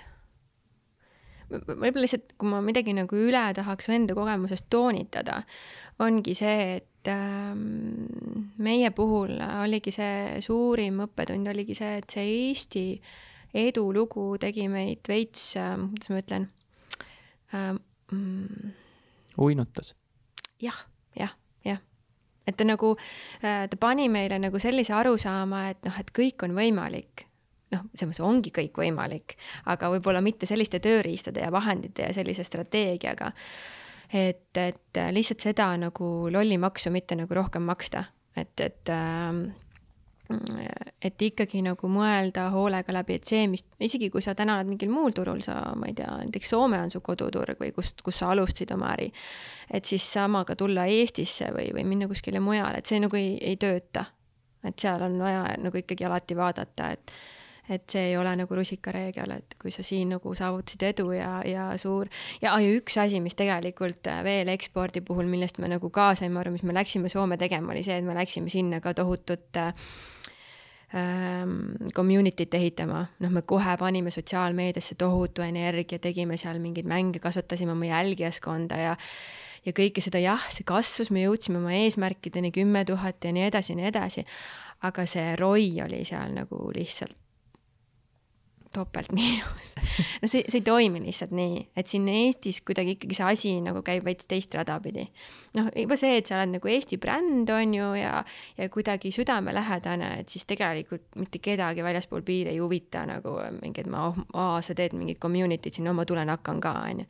et see ikkagi nagu, see, ma arvan, et kui Eestis pigem oli niimoodi, et ähm, et see oli nagu ähm, noh, üks selliseid äh, ka meie kasvu äh, nagu toetajaid, see word of mouth on ju, sest Eesti on nii väike ja sealt tekkis see community on ju, siis tegelikult ekspordi suunal, noh, sa ei saagi panna, sest et sul ei ela inimesed nii väiksel alal on ju. ja seal, noh, see asi ei käi nagu niimoodi, et see ei tasu nagu sinna panna, pigem vastupidi, et äh, hakka seda kliendibaasi koguma, koguma ja koguma ja ühel hetkel, kui sa tunned, et sul on piisavalt raha ja võimekust, siis hakka sinna seda community't nagu ümber ehitama tundub praegu nii. täiega hea point, jumala hea mõte, sest need inimesed ongi ju laiali seal eksporditurul. jah, et äh, noh, Eestis ongi see, et meie puhul näiteks on ju mänguplatsile saavad viisema kokku ja räägivad Breedeni, aa, kus sa selle mütsi said, on ju, räägivad Breedenist ja siis aa, seal grupis ja lalla. et noh, kui sa oled Soome, Rootsi, Taani turul, siis need emad ei saa ilmselgelt omavahel kokku, on ju, ja, ja noh, see keel on ka veits erinev neil, on ju seal et äh, see, see oli üks niisugune nagu, et äh, noh, jällegi, et sa kuidagi eeldad, et seesama asi, mis sul Eestis nagu toimis, hakkab nagu mujal ka tööle, aga. väga hea taipamine, väga hea taipamine.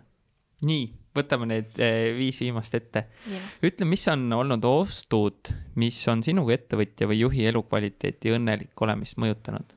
kuidas on saanud raha eest õnne osta? raamatud ma jõudan vetki alla neelata see oli nii kiire vastus. palju sul raamatute peale raha läheb? tegelikult ei lähe palju, sest et ähm, mm, ma ei loe väga, nagu mm, ma ei saa öelda, ma ei loe väga palju, selles mõttes ma loen kogu aeg, aga ma ei ole võib-olla sihuke hästi intensiivne lugeja, ma olen üsna aeglane lugeja, ma nagu reaalselt vahel loen kellegiga koos mingit artiklit, siis ma olen poole peal, siis teine on lõpus, ma päriselt loen väga aeglaselt. aga, aga lihtsalt ma püüan siis nendest raamatutest, mida ma olen lugenud või kuulanud, siis maksimeerida, et selles mõttes, et võtta vähemalt enda jaoks iga kord mingi kolm asja, mida ma siis sealt hakkan reaalselt ellu viima ja kohe ellu viima, on ju.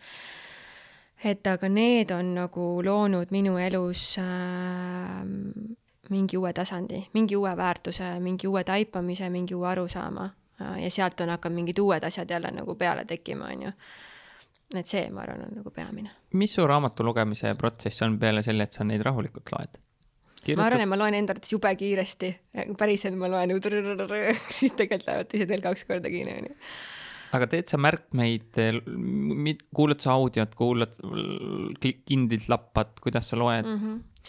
ma ähm ma teen kahte, mul on niimoodi, et äh, mul on nagu öökapi raamat, on ju, ja siis mul on nagu Audible, mida ma siis kuulan tööle sõites, töölt koju sõites, koeraga trenni minnes või noh, kus iganes, siis ma parasjagu täna siia sõitsin, kuulasin taksos, on ju. et ähm, äh, äh, ja siis ma teen niimoodi, et Audible'is mul on need äh, klipp, vaata, on seal klipid, on vist niisugune väljend, on ju, et sa paned nagu notes'id sinnasamasse selle koha peale, paned pausile, paned sinna kirja, siis ma pärast, kui raamatu olen läbi kuulanud, siis ma scroll in läbi, tuletan meelde, kuulan üle ja siis võtan sealt mingid kaks-kolm tõesti nagu mõned asjad, hästi vähe nagu asju. Ja, ja kohe siis mõtlen, okei okay,, kuidas ma nüüd hakkan oma ettevõttesse või iseenda tegemistesse nagu neid äh, kaasama. Ja raamatute puhul äh, ma olen hästi suur raamatute sodija, et mu raamatud väga ma laenutada ei saa, sest et äh, välja, sest need on täiega täis, täis soditud. Ja ma täiega usun sellesse, et kui sa kirjutad nagu mingeid oma mõtteid või märkmeid või et aa, Anna Erkol seda kohta lugeda või ma ei tea, anna turundusjuhile seda kohta lugeda või noh, ühesõnaga nagu või et aa, Merle, kas sa selle peale oled mõtelnud, paned omale kolme hüüumärgiga mingeid asju sinna, on ju. et kui sa hiljem jälle lappad, on ju, seda raamatut nagu kokkuvõtteks, siis sul jääb nagu see meelde seal me oleme sinus, sinuga täiega samas klubis, mulle meeldib ka neid sodida, kaitseväes öeldi, et Timo, sinu raamatuid on nii hea võtta, et ma ei pea üldse lugemagi, lappan need okay, olulised kohad. üle ja, ja good point on ju, et teisel on lihtsam, on ju, neid vaadata. millised on otsused või mõttelaadi muudatused, mis on sinu kui ettevõtja või juhi kvaliteeti nagu mõjutanud? otsused või mõttelaadi muudatused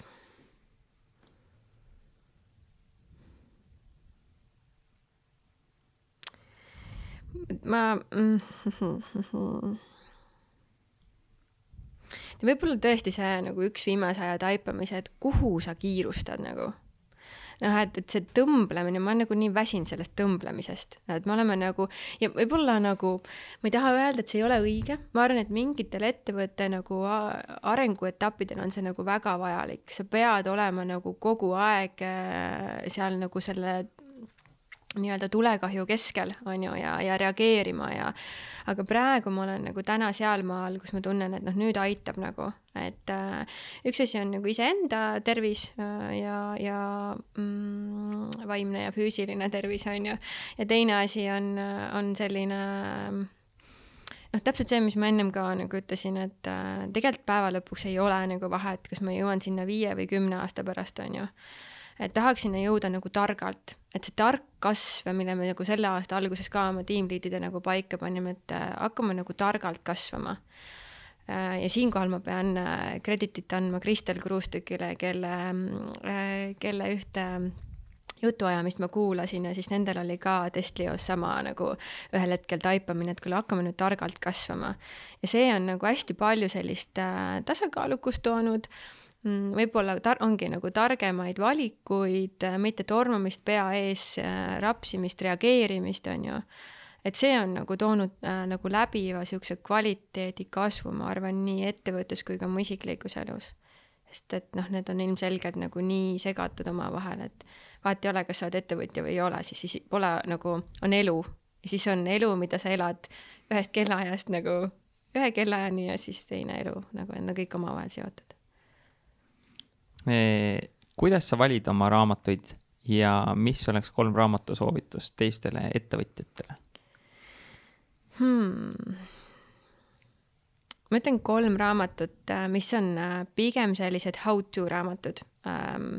sest neid mõttelaadi raamatuid ja inspiratsiooniraamatuid on nagu päris mitmeid ja ma arvan, et seal nagu oleneb hästi palju sellest, kus sa parasjagu nagu oma nii-öelda ähm, mõttelaadi teekonnal oled, on ju aga ma arvan, raamatud, mis ei oma tähtsust, kas sa oled äh, alustav, keskmine kümneaastase ettevõtte või, või kaheaastase ettevõtte või vanema ettevõtte veel omanik või juht ähm,. aga need aitavad alati, üks on ähm, täielik lemmik, on Scaling Up. Noh, ongi, seal on nagu viis aspekti siis scaling up people, cash äh, ja, ja veel olid seal mingid asjad. ja see on täpselt selline raamat, mis aitab sul nagu kasvatada sellist süsteemset, tugevat, äh, vastupidavat niisugune ettevõtet, on ju. Äh, siis üks raamat, mis mulle väga meeldib, on ähm, äh, CEO who sees around the corners Äh, ja kolmas raamat, äh, mis ka tegelikult, tegelikult räägibki sellest, äh, noh, ta on võib-olla ka rohkem selline mõttelaadi äh, nagu ähm, äh, raamat. aga ta annab ka väga konkreetsed tööriistad, nagu kuidas äh, ennast äh, tegevjuhina ja ma võib-olla isegi laiendaks seda, et mitte ainult nagu tegevjuhina, vaid juhina. ma hästi palju taipasin seal kohti, kus ma tahaks nagu oma valdkonnajuhtidele ka anda nagu lugeda seda äh,, kuidas oma oma valdkonnas olla nagu tõeliselt ähm, inglise keeles impactful, ühesõnaga nagu ähm, mõjuv, mõjus. jah, et jätta mingisugune jälg sinna valdkonda, kus sa nagu tegutsed, et kus seda, kuidas seda teha hästi teadlikult, kuidas ennast arendada ja kasvatada, et sa ei käi ja ei laamenda ja, ja ei tee, on ju.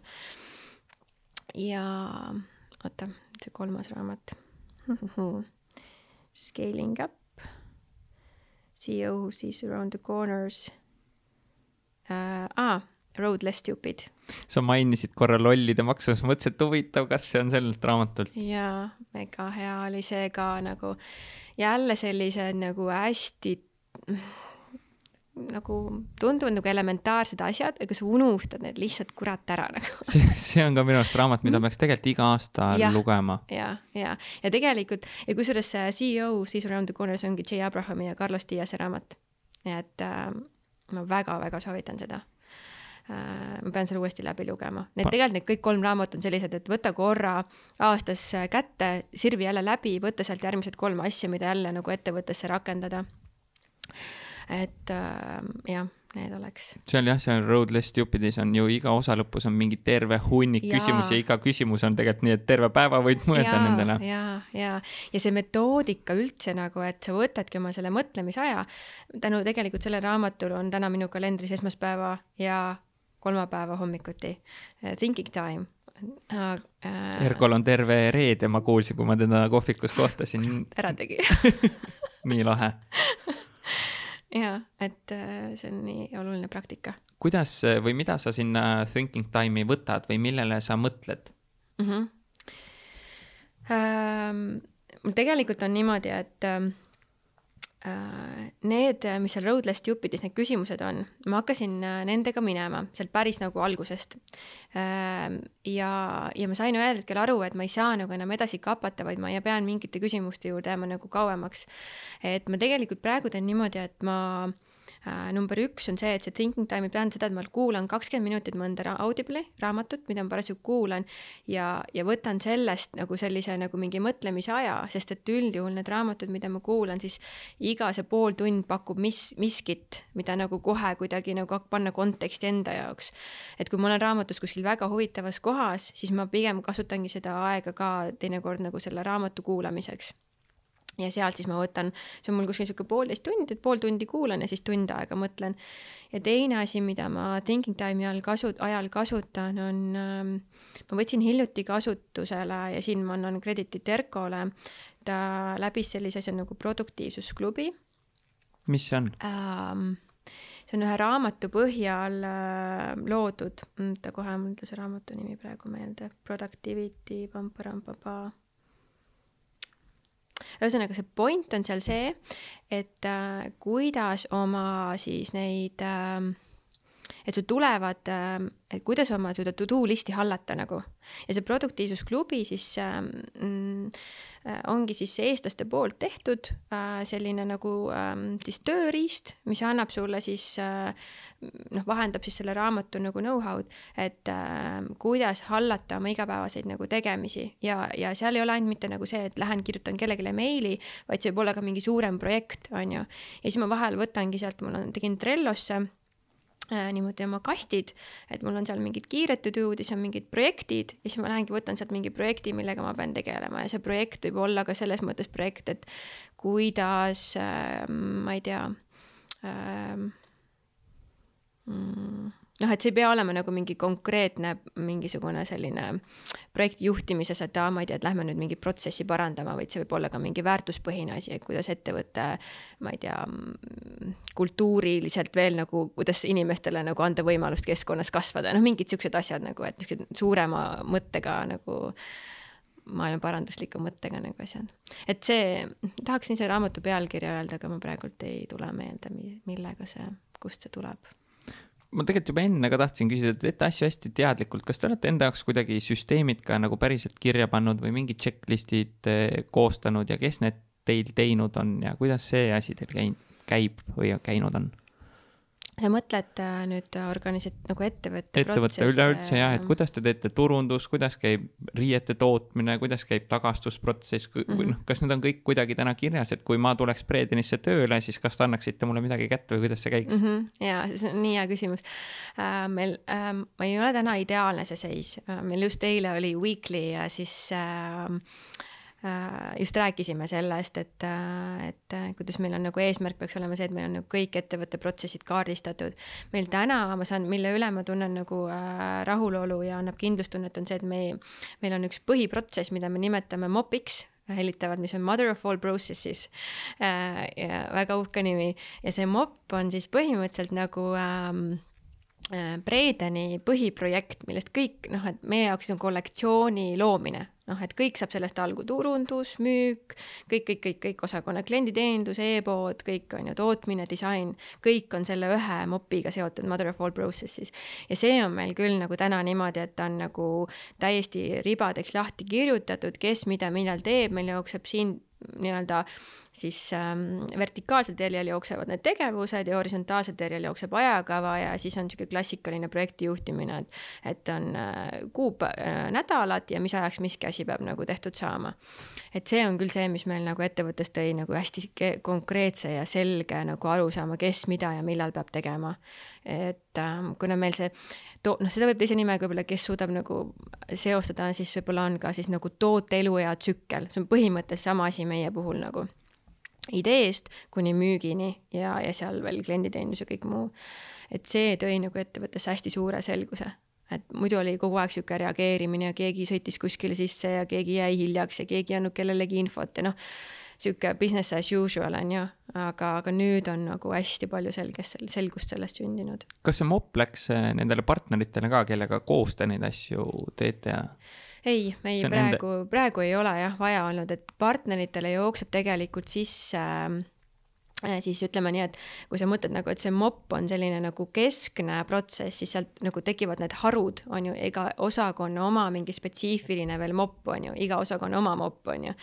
et äh, kuidas see disain ikkagi seda kollektsiooni disainib, on ju, ja tootearendustooteid arendab, on ju, et seda ei ole nagu mopis meil läinud nagu nii spetsiifiliseks, et muidu läheb nagu kilomeetrite pikkuseks, on ju aga see partneritele praegu jah, niimoodi sisse ei jookse. Ja kuidas selle loomine käis, lihtsalt istusite Erkoga maha ja nii aitab küll business as usual'ist ja teeme selle mingi süsteemi ja, või kuidas? põhi, põhimõtteliselt niimoodi oligi, hakkasimegi lihtsalt äh, kõigepealt äh, kirjutama lahti, et mis järjekorras mida teeme, siis me saime aru, et meil ei ole ikka üldse mitte mingisugust äh, loogikat, on ju Äh, ja siis me tegelikult äh, kirjutasime välja olukorra, siis kirjutasime ideaali, hakkasime seda ideaali minema, parandasime seda veel, nüüd on meil vist kas kolmas või neljas versioon sellest. Ja siis meil tuli lisaks vahepeal üks ka nii-öelda Äh, nimetame siis mentoriks, täna ta on juba peaaegu nagu põhimõtteliselt meil tiimiliige on ju, kes tuli ja aitas meil ka veel selle nagu disaini vaatest siis selle mopi nagu paika saada, sest disain moodustab hästi suure osa meil seal sellest osast on ju, see tootedisain ja kollektsiooni disain et äh, ta ei ole kindlasti veel ideaalne, aga meil vähemalt on plaan, mida muuta. Ja see on nagu kõige olulisem minu arust alates. plaan peab olema, isegi kui tundub nagu veits ligadi-logadi, aga vähemalt meil on, mida muuta, on ju et kui, kui ta ei ole kirjas, siis keegi ei saagi aru, millal, mida on vaja teha. just, et see ongi,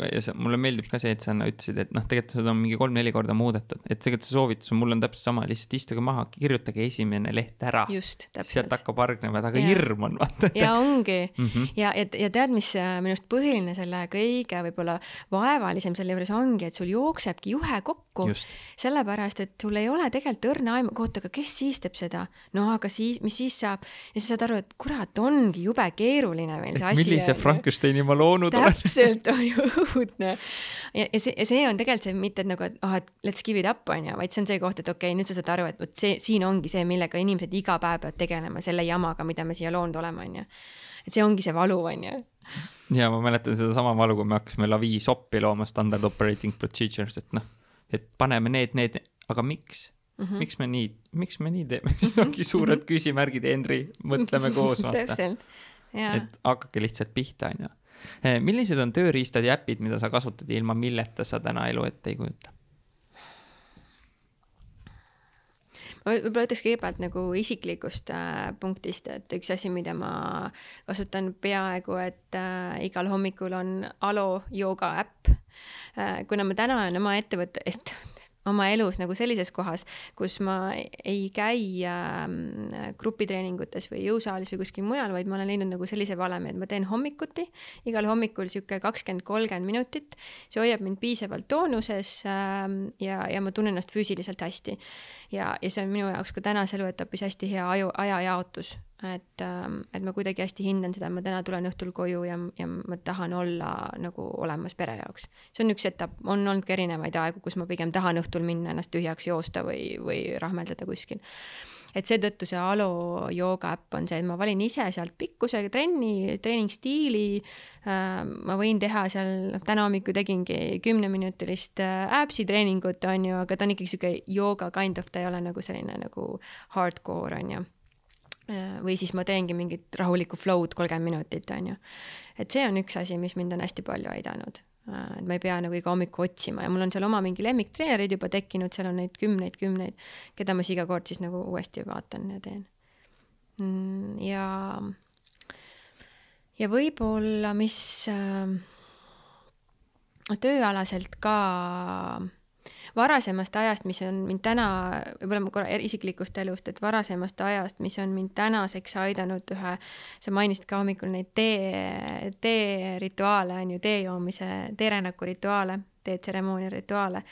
et mis mind on viinud nagu sellise meditatsiooniharjumuseni, on erinevad äpid ja üks asi, mis aitas minul nagu hästi minna sinna meditatsiooni, on Headspace. et see multikalik kind of fun, äge, lihtne ja hästi lihtsasti tarbitav äpp on nagu üks asi, mida ma soovitaks panen oma like'i ka sinna, ma proovisin enne kahte eri viisi mediteerimiseks, no midagi ei hakanud külge, kui Headspace'i leidsin täna hommikul tegin, see on mm -hmm. nii hea, töötab. ta on nii lihtne ja, ja noh, see tüüp ise muidugi on ka hästi muhe ja sihuke hea inspiratsioon on ju. nüüd neil vist on isegi, see naine loeb ka, nüüd saab valida vist neid hääli, kunagi mm -hmm. oli ainult see tüüp ise, kes selle, mäletagi, mis ta nimi oli. et see kindlasti äh, nagu äpina ja tööalaselt, mis võib-olla meie nagu aitab seda nii-öelda süsteemi koos hoida, on, me kasutame Slacki igapäevasteks vestluseks. meilid on niisugune asi, et kui sa Merlet ei taha kunagi kätte saada, siis kirjuta talle meil aa oh,, sellepärast sa ei vastagi mulle? ma nagu olen väga kehv selles. see on umbes, see on umbes nagu telefon, et ma ei pea ju. ei peagi, ei peagi. minu asi on leida viis, kuidas sinuga ühendust saada, jah, et kui mul ikkagi on mingi suurem eesmärk elus praegu pooleli, siis ähm, ja kui kellelgi on mind väga vaja, siis lõpuks ta saab mind nagu kätte, on ju. miks Slack üle emaili, kusjuures me ei kasuta, aga meil on kuidagi jutuks olnud ja kuulajatel-vaatajatel võib-olla sama, et miks see Slack? ta on hästi ähm,, kuidas ma ütlen vahetu, nagu selles mõttes, et vaata, meil on ikkagi nagu aeglane, et ja, ja siin, seal ta kuidagi ka nagu Slack on ikkagi poole töö su eest juba ära teinud, on ju, sul on mingid grupid, sul on juba mingisugused channel'id seal, kellele sa kirjutad otse, on ju. et sa ei pea mõtlema, et aa, nüüd mul on vaja müügile ja turundusele midagi öelda, et oo, keda ma nüüd sinna meili siis kirjutan, siis kirjutan mingi pika rodu, siis sa ootad, et keegi vastaks, on ju. no ühesõnaga kuidagi seda hallata on nagu nii palju keerulisemaks, Slack on niisugune vahe, et noh, nagu Skype on ju, aga lihtsalt Skype on nagu võib-olla selline noh, meil ta ei toiminud, ühesõnaga, ta ei ole nagu nii hea funktsionaalsustega, et Slacki neid funktsionaalsusi ja integratsioone erinevate mm, Monday ja, ja äh,, ja Google'i erinevate toodetega on nagu noh, kalendrite ja asjadega saad, nagu ta jookseb sinna sisse, et on hästi praktiline, ma väga soovitan Slacki uh,. jah et sa saad seal nagu, no tegelikult käibki kogu vestlus nagu seal, meilid on üliharva, mingid koosolekukutsed käivad nagu läbi meilide või, või seal nagu info jagamine, aga, või, või memode saatmine koosolekute järgselt on nagu läbi meilide. siis äh, võib-olla, mis tööalaselt veel on äh, Monday, mis on nagu meie jaoks projektijuhtimistarkvara.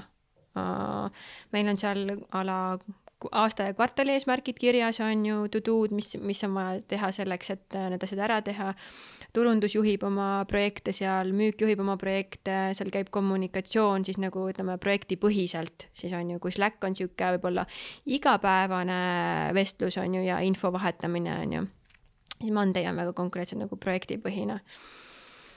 ja mõtlen. ja kõikide to-do'd on seal põhimõtteliselt Mondays olemas, et ja. sina ka juhina siis tegelikult näed, mille kallal kõik või keegi üldse tegeleb, on ju. jah, et kuna meil on ettevõttes nagu niimoodi, et äh, meil on rütm on niimoodi, et aasta eesmärgid, kvartali eesmärgid, äh, kuu eesmärgid ja sealt tulevad nädalad ja päeva, päeva eesmärgid, on ju, siis seal me saame täpselt nagu jälgida neid erinevaid nagu rütme, on ju, et see on hästi hea selline koht. ma mõtlen, kas meil on äh, midagi, mis me veel, vist ei olegi mm. -hmm. Life hack'id, need sulle meeldivad? mida teistega kuulajate-vaatajatega jagada, trenni mingid sellised häkid? see on nii slippery slope selles mõttes, et. jaa, aga sinu arvamus lihtsalt. jaa, ma saan aru hmm.. Life hack'id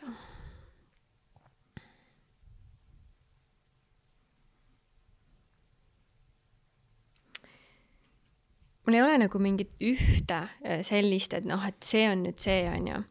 et pigem ma ütleks, et see on nagu kombinatsioon mm, täna minu jaoks nagu toimivatest asjadest. üks on, ähm, see ei ole üldse midagi originaalset, on toitumine. nagu päriselt, et, et see on muutnud minu elus, see on umbes neli aastat tagasi, kui ma tegin perega hästi teadliku muutuse alates sellest, kui palju me tarbime piimatooteid, kui palju me tarbime lihatooteid, mis, kui palju valmisprodukte on ju ja, ja mida need ikkagi sisaldavad. Nagu päriselt vaata, et äh, minu jaoks oli kunagi üllatus oli see, et osades juustus on suhkur sees nagu why the hell nagu miks? Et, et noh, mingid ja nüüd see tundub nagu, et jaa, jaa, on ju, ma püüan vähem burgerit süüa, aga mitte nagu selles mõttes, vaid nagu ollagi nagu teadlik, et no minu jaoks hästi suurem valu oli see, et mul lapsed olid kogu aeg haiged nagu päriselt ja, ja ma olin nagu nii desperate, ma mõtlesin nagu, et äh, ma olin tõesti nagu meeleheitel, et kui ma jälle kuulsin nagu teisest toast tüdrukut köhimas või köhatamas või luristamas, mõtlesin, no nii, nüüd on kolm nädalat täiesti hooleta. et ähm, et äh, need olid ebameeldivad valikud, sest ilmselgelt lastele nagu selgeks teha, et me ei osta enam kolm pakki piima päev, nagu päevas ja me ei joo seda ära, on ju või, või et äh, meil on magusapäevad, mitte nii, et me sööme esmaspäevast pühapäevani magusat, vaid on äh, reede-laupäev, on ju, ja siis te võite süüa nii palju, kui te tahate, on ju, ja nad ei söö nii palju, kui nad tahavad, söövad ikka mõistlikult. mingid siuksed nagu toitumisasjad ja iseenda jaoks pidevalt leida neid asju, mis täna minu jaoks nagu töötavad. mis sinu jaoks töötavad, mida sa, mida sa sööd? No näiteks ma jällegi ma ei taha nagu öelda, et ainult nii võibki, sellepärast ma võin oma pealt nagu tuua näite, et oli periood, kus ma hommikusooki ei söönud ja see väga toimis mu jaoks, sest et see oli hästi intensiivne periood, aga see lõpuks hakkas nagu minu ainevahetuse kiiruse juures mulle nagu, mul on hästi kiire ainevahetus ja ta pigem, ta annab mingit, ma saan seda võib-olla teha üks-kaks korda nädalas.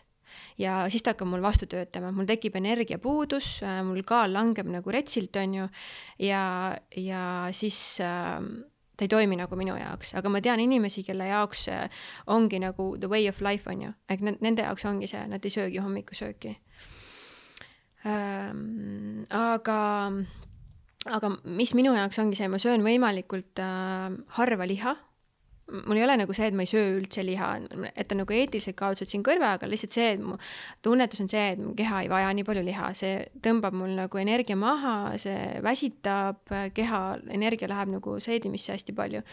ja ma püüan hästi palju teadlikult kogu aeg juua, noh, niisugused lihtsad asjad, ma räägin, mul ei ole nagu mingeid siukseid eurekaid on ju siin, aga, aga siuksed lihtsad asjad et äh, ja ma ikkagi jälgin, et ma oleks võimalikult palju orgaanilist nagu toitu et äh, ma tean väga hästi, et on ka seda greenwashing ut ja, ja ma tihti võingi osta õuna, mis on orgaanik, aga tegelikult on ta pestitsiididega pritsitud, aga tõenäosus, et ma saan puhast toitu, on suurem kui see, et ma ei osta. ja, ja, ja siin ei ole küsimus, et nagu võib-olla kohe, et kas see on ju kaks korda kallim. päeva lõpus, kui sa toitud teadlikult, sul on päev, nädala näiteks äh, menüüd, siis sa ei ostagi nii palju ja tegelikult ma arvan, et meie viieliikmelise pere toidumenüü ei ole mitte väga palju kõrgem, kuigi meil ostame kõik nii-öelda orgaanikut kõrgem, kui ma arvan, keskmisel teisel perel ma arvan, et see on nii. puuviljad on menüüs, suhkur ei ole, jahu ei ole. jahu, suhkur ja valget jahu mul ei ole kodus üldse, nagu suhkrut tavalist mul ei ole ka, ma kasutan äh, siis sellist suhkrut, nii-öelda magustajat, mis ei siis mängi sinu äh, veresuhkru taseme ja, ja ei tekita põletikke nagu äh, kehas, on ju.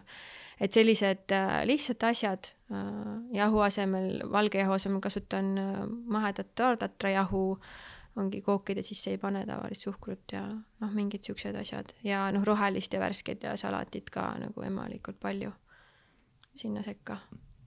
une osas häkke? ja ma olen äh, selles mõttes äh, kohe mõtlesin Erko peale, sest et äh, tal on nagu tõeline väljakutse, ma olen see tüüp, kes paneb pea padjale ja magab mida ma jälgin, on see, et ma saaksin umbes äh, sel-, ühesõnaga minu puhul on, millest ma aru sain enda puhul, on see, et äh, ma ei ole ööinimene äh,, kell üheksa ei tasu minuga enam, peale üheksat väga ei tasu minuga enam rääkida. Ma suhteliselt olen out ja mulle meeldib vara ärgata, ehk et äh, sealt sain mina nagu oma sellise nagu unerežiimi paika. ja ma tean, et ma pean magama kuskil sihuke seitse, seitse pool tundi, siis ma tunnen, et ma toimin jah, muidugi vahel kuus, vahel viis, noh, selles mõttes erandid kinnitavad reeglid, aga keskmiselt seitse, seitse pool tundi. Äh, ja ütleme sihuke kümne-ish ma peaksin juba magama ja, ja hommikul sihuke viie-kuue vahel ärkama et ma, ma ei ole täna veel ideaalis, ma tahaks olla nagu, jõuda varem, aga seal on puhtalt see, et minu võimekus saada oma lapsed varem magama. Äh, ja ma ei süüdista mitte kedagi teist, vaid minu enda võimekust. Äh, et jah see on nagu see, millest ma olen aru saanud. ma, selles mõttes on mul nagu vedanud, ma saan öelda, et kui ma pea padjale panen, isegi kui mul on olnud nagu olukord, kus mul on nagu nii palju asju pooleli jäänud või sihuke pingeline periood, siis ma, kui ma pea padjale panen, siis ma magan. aga ma olen see tegelane, kes hommikul ehmatab ennast nagu üles ja siis mul on nagu mingi pulss on lae, siis ma mõtlen, okei okay,, kus, mis nüüd. kus mis, need teekausid on, et rahuneks korra maha et see on hästi, ma olen sellega hästi teadlikult pidanud tegelema, sest et tõesti, see on, et kui anda nagu kuulajale edasi, see tunne on täpselt surmahirmu tunne. et sa ärkad nagu poolunest ülesse ja siis hakkad mõtlema kõigele sellele, mis sitasti on mm -hmm. nagu ja see on nii halb äh, automatism ja ma olen pidanud hästi teadlikult sellega nagu tegelema. et mingid mantrad kohe hommikul ärkan, kõik on hästi, kõik on hästi ja päriselt see toimub, see tundub nagu no mingi luulu on ju, mingi korrutab endale, kõik on hästi aga see, noh, see ongi. ja siis see töötab ja see nagu tasakaalustab ja rahustab sind, on ju. ja siis sa mõtled, et aa, tegelikult ei olegi midagi hullu, sest kõik need asjad, mida su nagu alateadvus sulle viskab sellel hommikul, kui sa hakkad kohe-kohe ärkama, on tegelikult sellist nagu lahendatavad. aga sel hetkel sa tunned nagu, et noh, kohe, kohe on nagu elu otsas. Noh. kuidas sa oma fookust hoiad? välja arvatud see, et telefon on kuskil kaugel ära ja hääleta ja emailidele ei vasta oh,. Mm -hmm fookust ähm,. Ähm, tegelikult noh, ongi, et võib-olla mm, ma selles mõttes olen suhteliselt egoist nagu selle mõt-, sõna kõige paremas mõttes, et ma lihtsalt ei lasegi endale nagu sisse sõita. et mul äh, perekonnas on juba niimoodi, et äh, nad teavad, et mul ei tasu helistada, siis nad helistavad Erkole Merel ei ole mõttelist, ei võta niikuinii kunagi vastu. aga noh, selles mõttes, et äh, noh, eks see tuleneb ka sellest, et äh, kolm last ja tuhat tegemist ja alati ei jõua ja mul ei ole tõesti telefon kogu aeg kõrval, ma ei hoia seda nagu endal. aga see fook-, noh, see algabki nagu tegelikult see fookuse hoidmine üleüldse nagu elu suuremas perspektiivis on ju kuhu ma üldse tahan jõuda, versus siis see, et mida, kuidas ma igapäevaselt oma fookust nagu hoian. et äh, ma ei, ma ei lase ikkagi teistel inimestel ja elul oma eesmärkidesse nagu sisse sõita. et selles mõttes äh, äh, et teised inimesed oma agendaga nagu kuidagi, ma püüan nagu hästi teadlikult vaadata, et meil kõigil on nagu oma agenda ja, ja ma ähm, ja püüan nagu jälgida seda, et oleks nagu tasakaal, et ma oleks teiste inimeste, inimeste jaoks olemas, kui nad mind vajavad ja kui ma olen lõpuks kohal, siis ma olen nagu full on kohal. et ma ei ole nagu pooleldi kuskil kohal, on ju. aga see nagu aitab mul nagu hoida seda fookust ja, ja üks hea harjumus mille ma sain ähm, selliselt inimeselt nagu Sarah Blakely, kes on USA äh, noh, nii-öelda, mis annab nagu mastaabi self-made millionaire äh, naisterahvas, kes siis põhimõtteliselt äh, hakkas sukapükse tootma ja noh, hästi inspireeriv ja tema nagu edulugu soovitan väga ka nagu uurida. tema ütles kunagi, et visualiseerimisest et visualiseerimine on see, mis aitab mul ka nagu hoida siis nende suuremat, et äh, mul on üks kindel pilt, mida ma iga hommiku endale siis loon silme ette. Ja see pilt äh, annab edasi minule selle tunde, mida ma tahan tunda, kuidas ma tahan elada, mismoodi ma ennast tunnen äh, selles ajahetkes, on ju ja see tegelikult nagu peegeldub ka tänasesse nagu päeva, et kuidas ma täna ennast tahan tunda. Ja mis peab täna juhtuma selleks, et, et ma jõuaksin nagu lähemale sellele mingisugusele tasandile. et seal on nagu äh, nii-öelda külluse manifesteerimine, et üks on siis vaimne küllus, rahaline küllus, armastuse küllus, no erinevad asjad. Ja ma nagu mõtlen, et mul on need kõik. Ja see on siis see visuaal, mis aitab mul hoida seda nagu fookust, et ma ei lähe kuskile lappama ja väärtused ei lähe nagu paigast ära Merle mm., suur sinuga on nii äge iga kord jutustada. suur aitäh, et sa said tulla ja ma soovin Breedenile tarka ja rahulikku kasvu. aitäh, aitäh. aitäh sulle. tore, et kutsusid. ikka. tänud, et sa oled selle podcast'i lõpuni kuulanud enne kui sa ära lähed. kui sa tahad korralikult läbimõeldud veebilehte, mis aitab äh, sul müüki kasvatada ja oleks siis heaks eelduseks, kui sa tahad minna välisturgudele või sul on mõni muu turundusalane väljakutse, siis äh, mine lavi.ee ja vaata, võib-olla saame sulle abiks olla. samuti, kui sul on vaja kvaliteetset sisu, olgu see siis video, olgu see siis heli ja nõuga, kuidas siis seda levitada, äh, et oma klientidele väärtust luua ja jälgijaskonda kasvatada siis maratonstuudios.ee on kindlasti see koht, eh, mida uurida ja kuskohast alustada.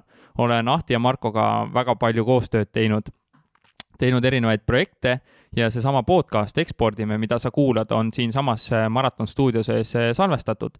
ja julgen neid mehi nagu tõsiselt soovitada. ja miks? on see, et nad on profid, nad hoolivad sinust, nad teevad asja hingega ja noh sellist komplekti või kokteili kohtab ikka väga-väga harva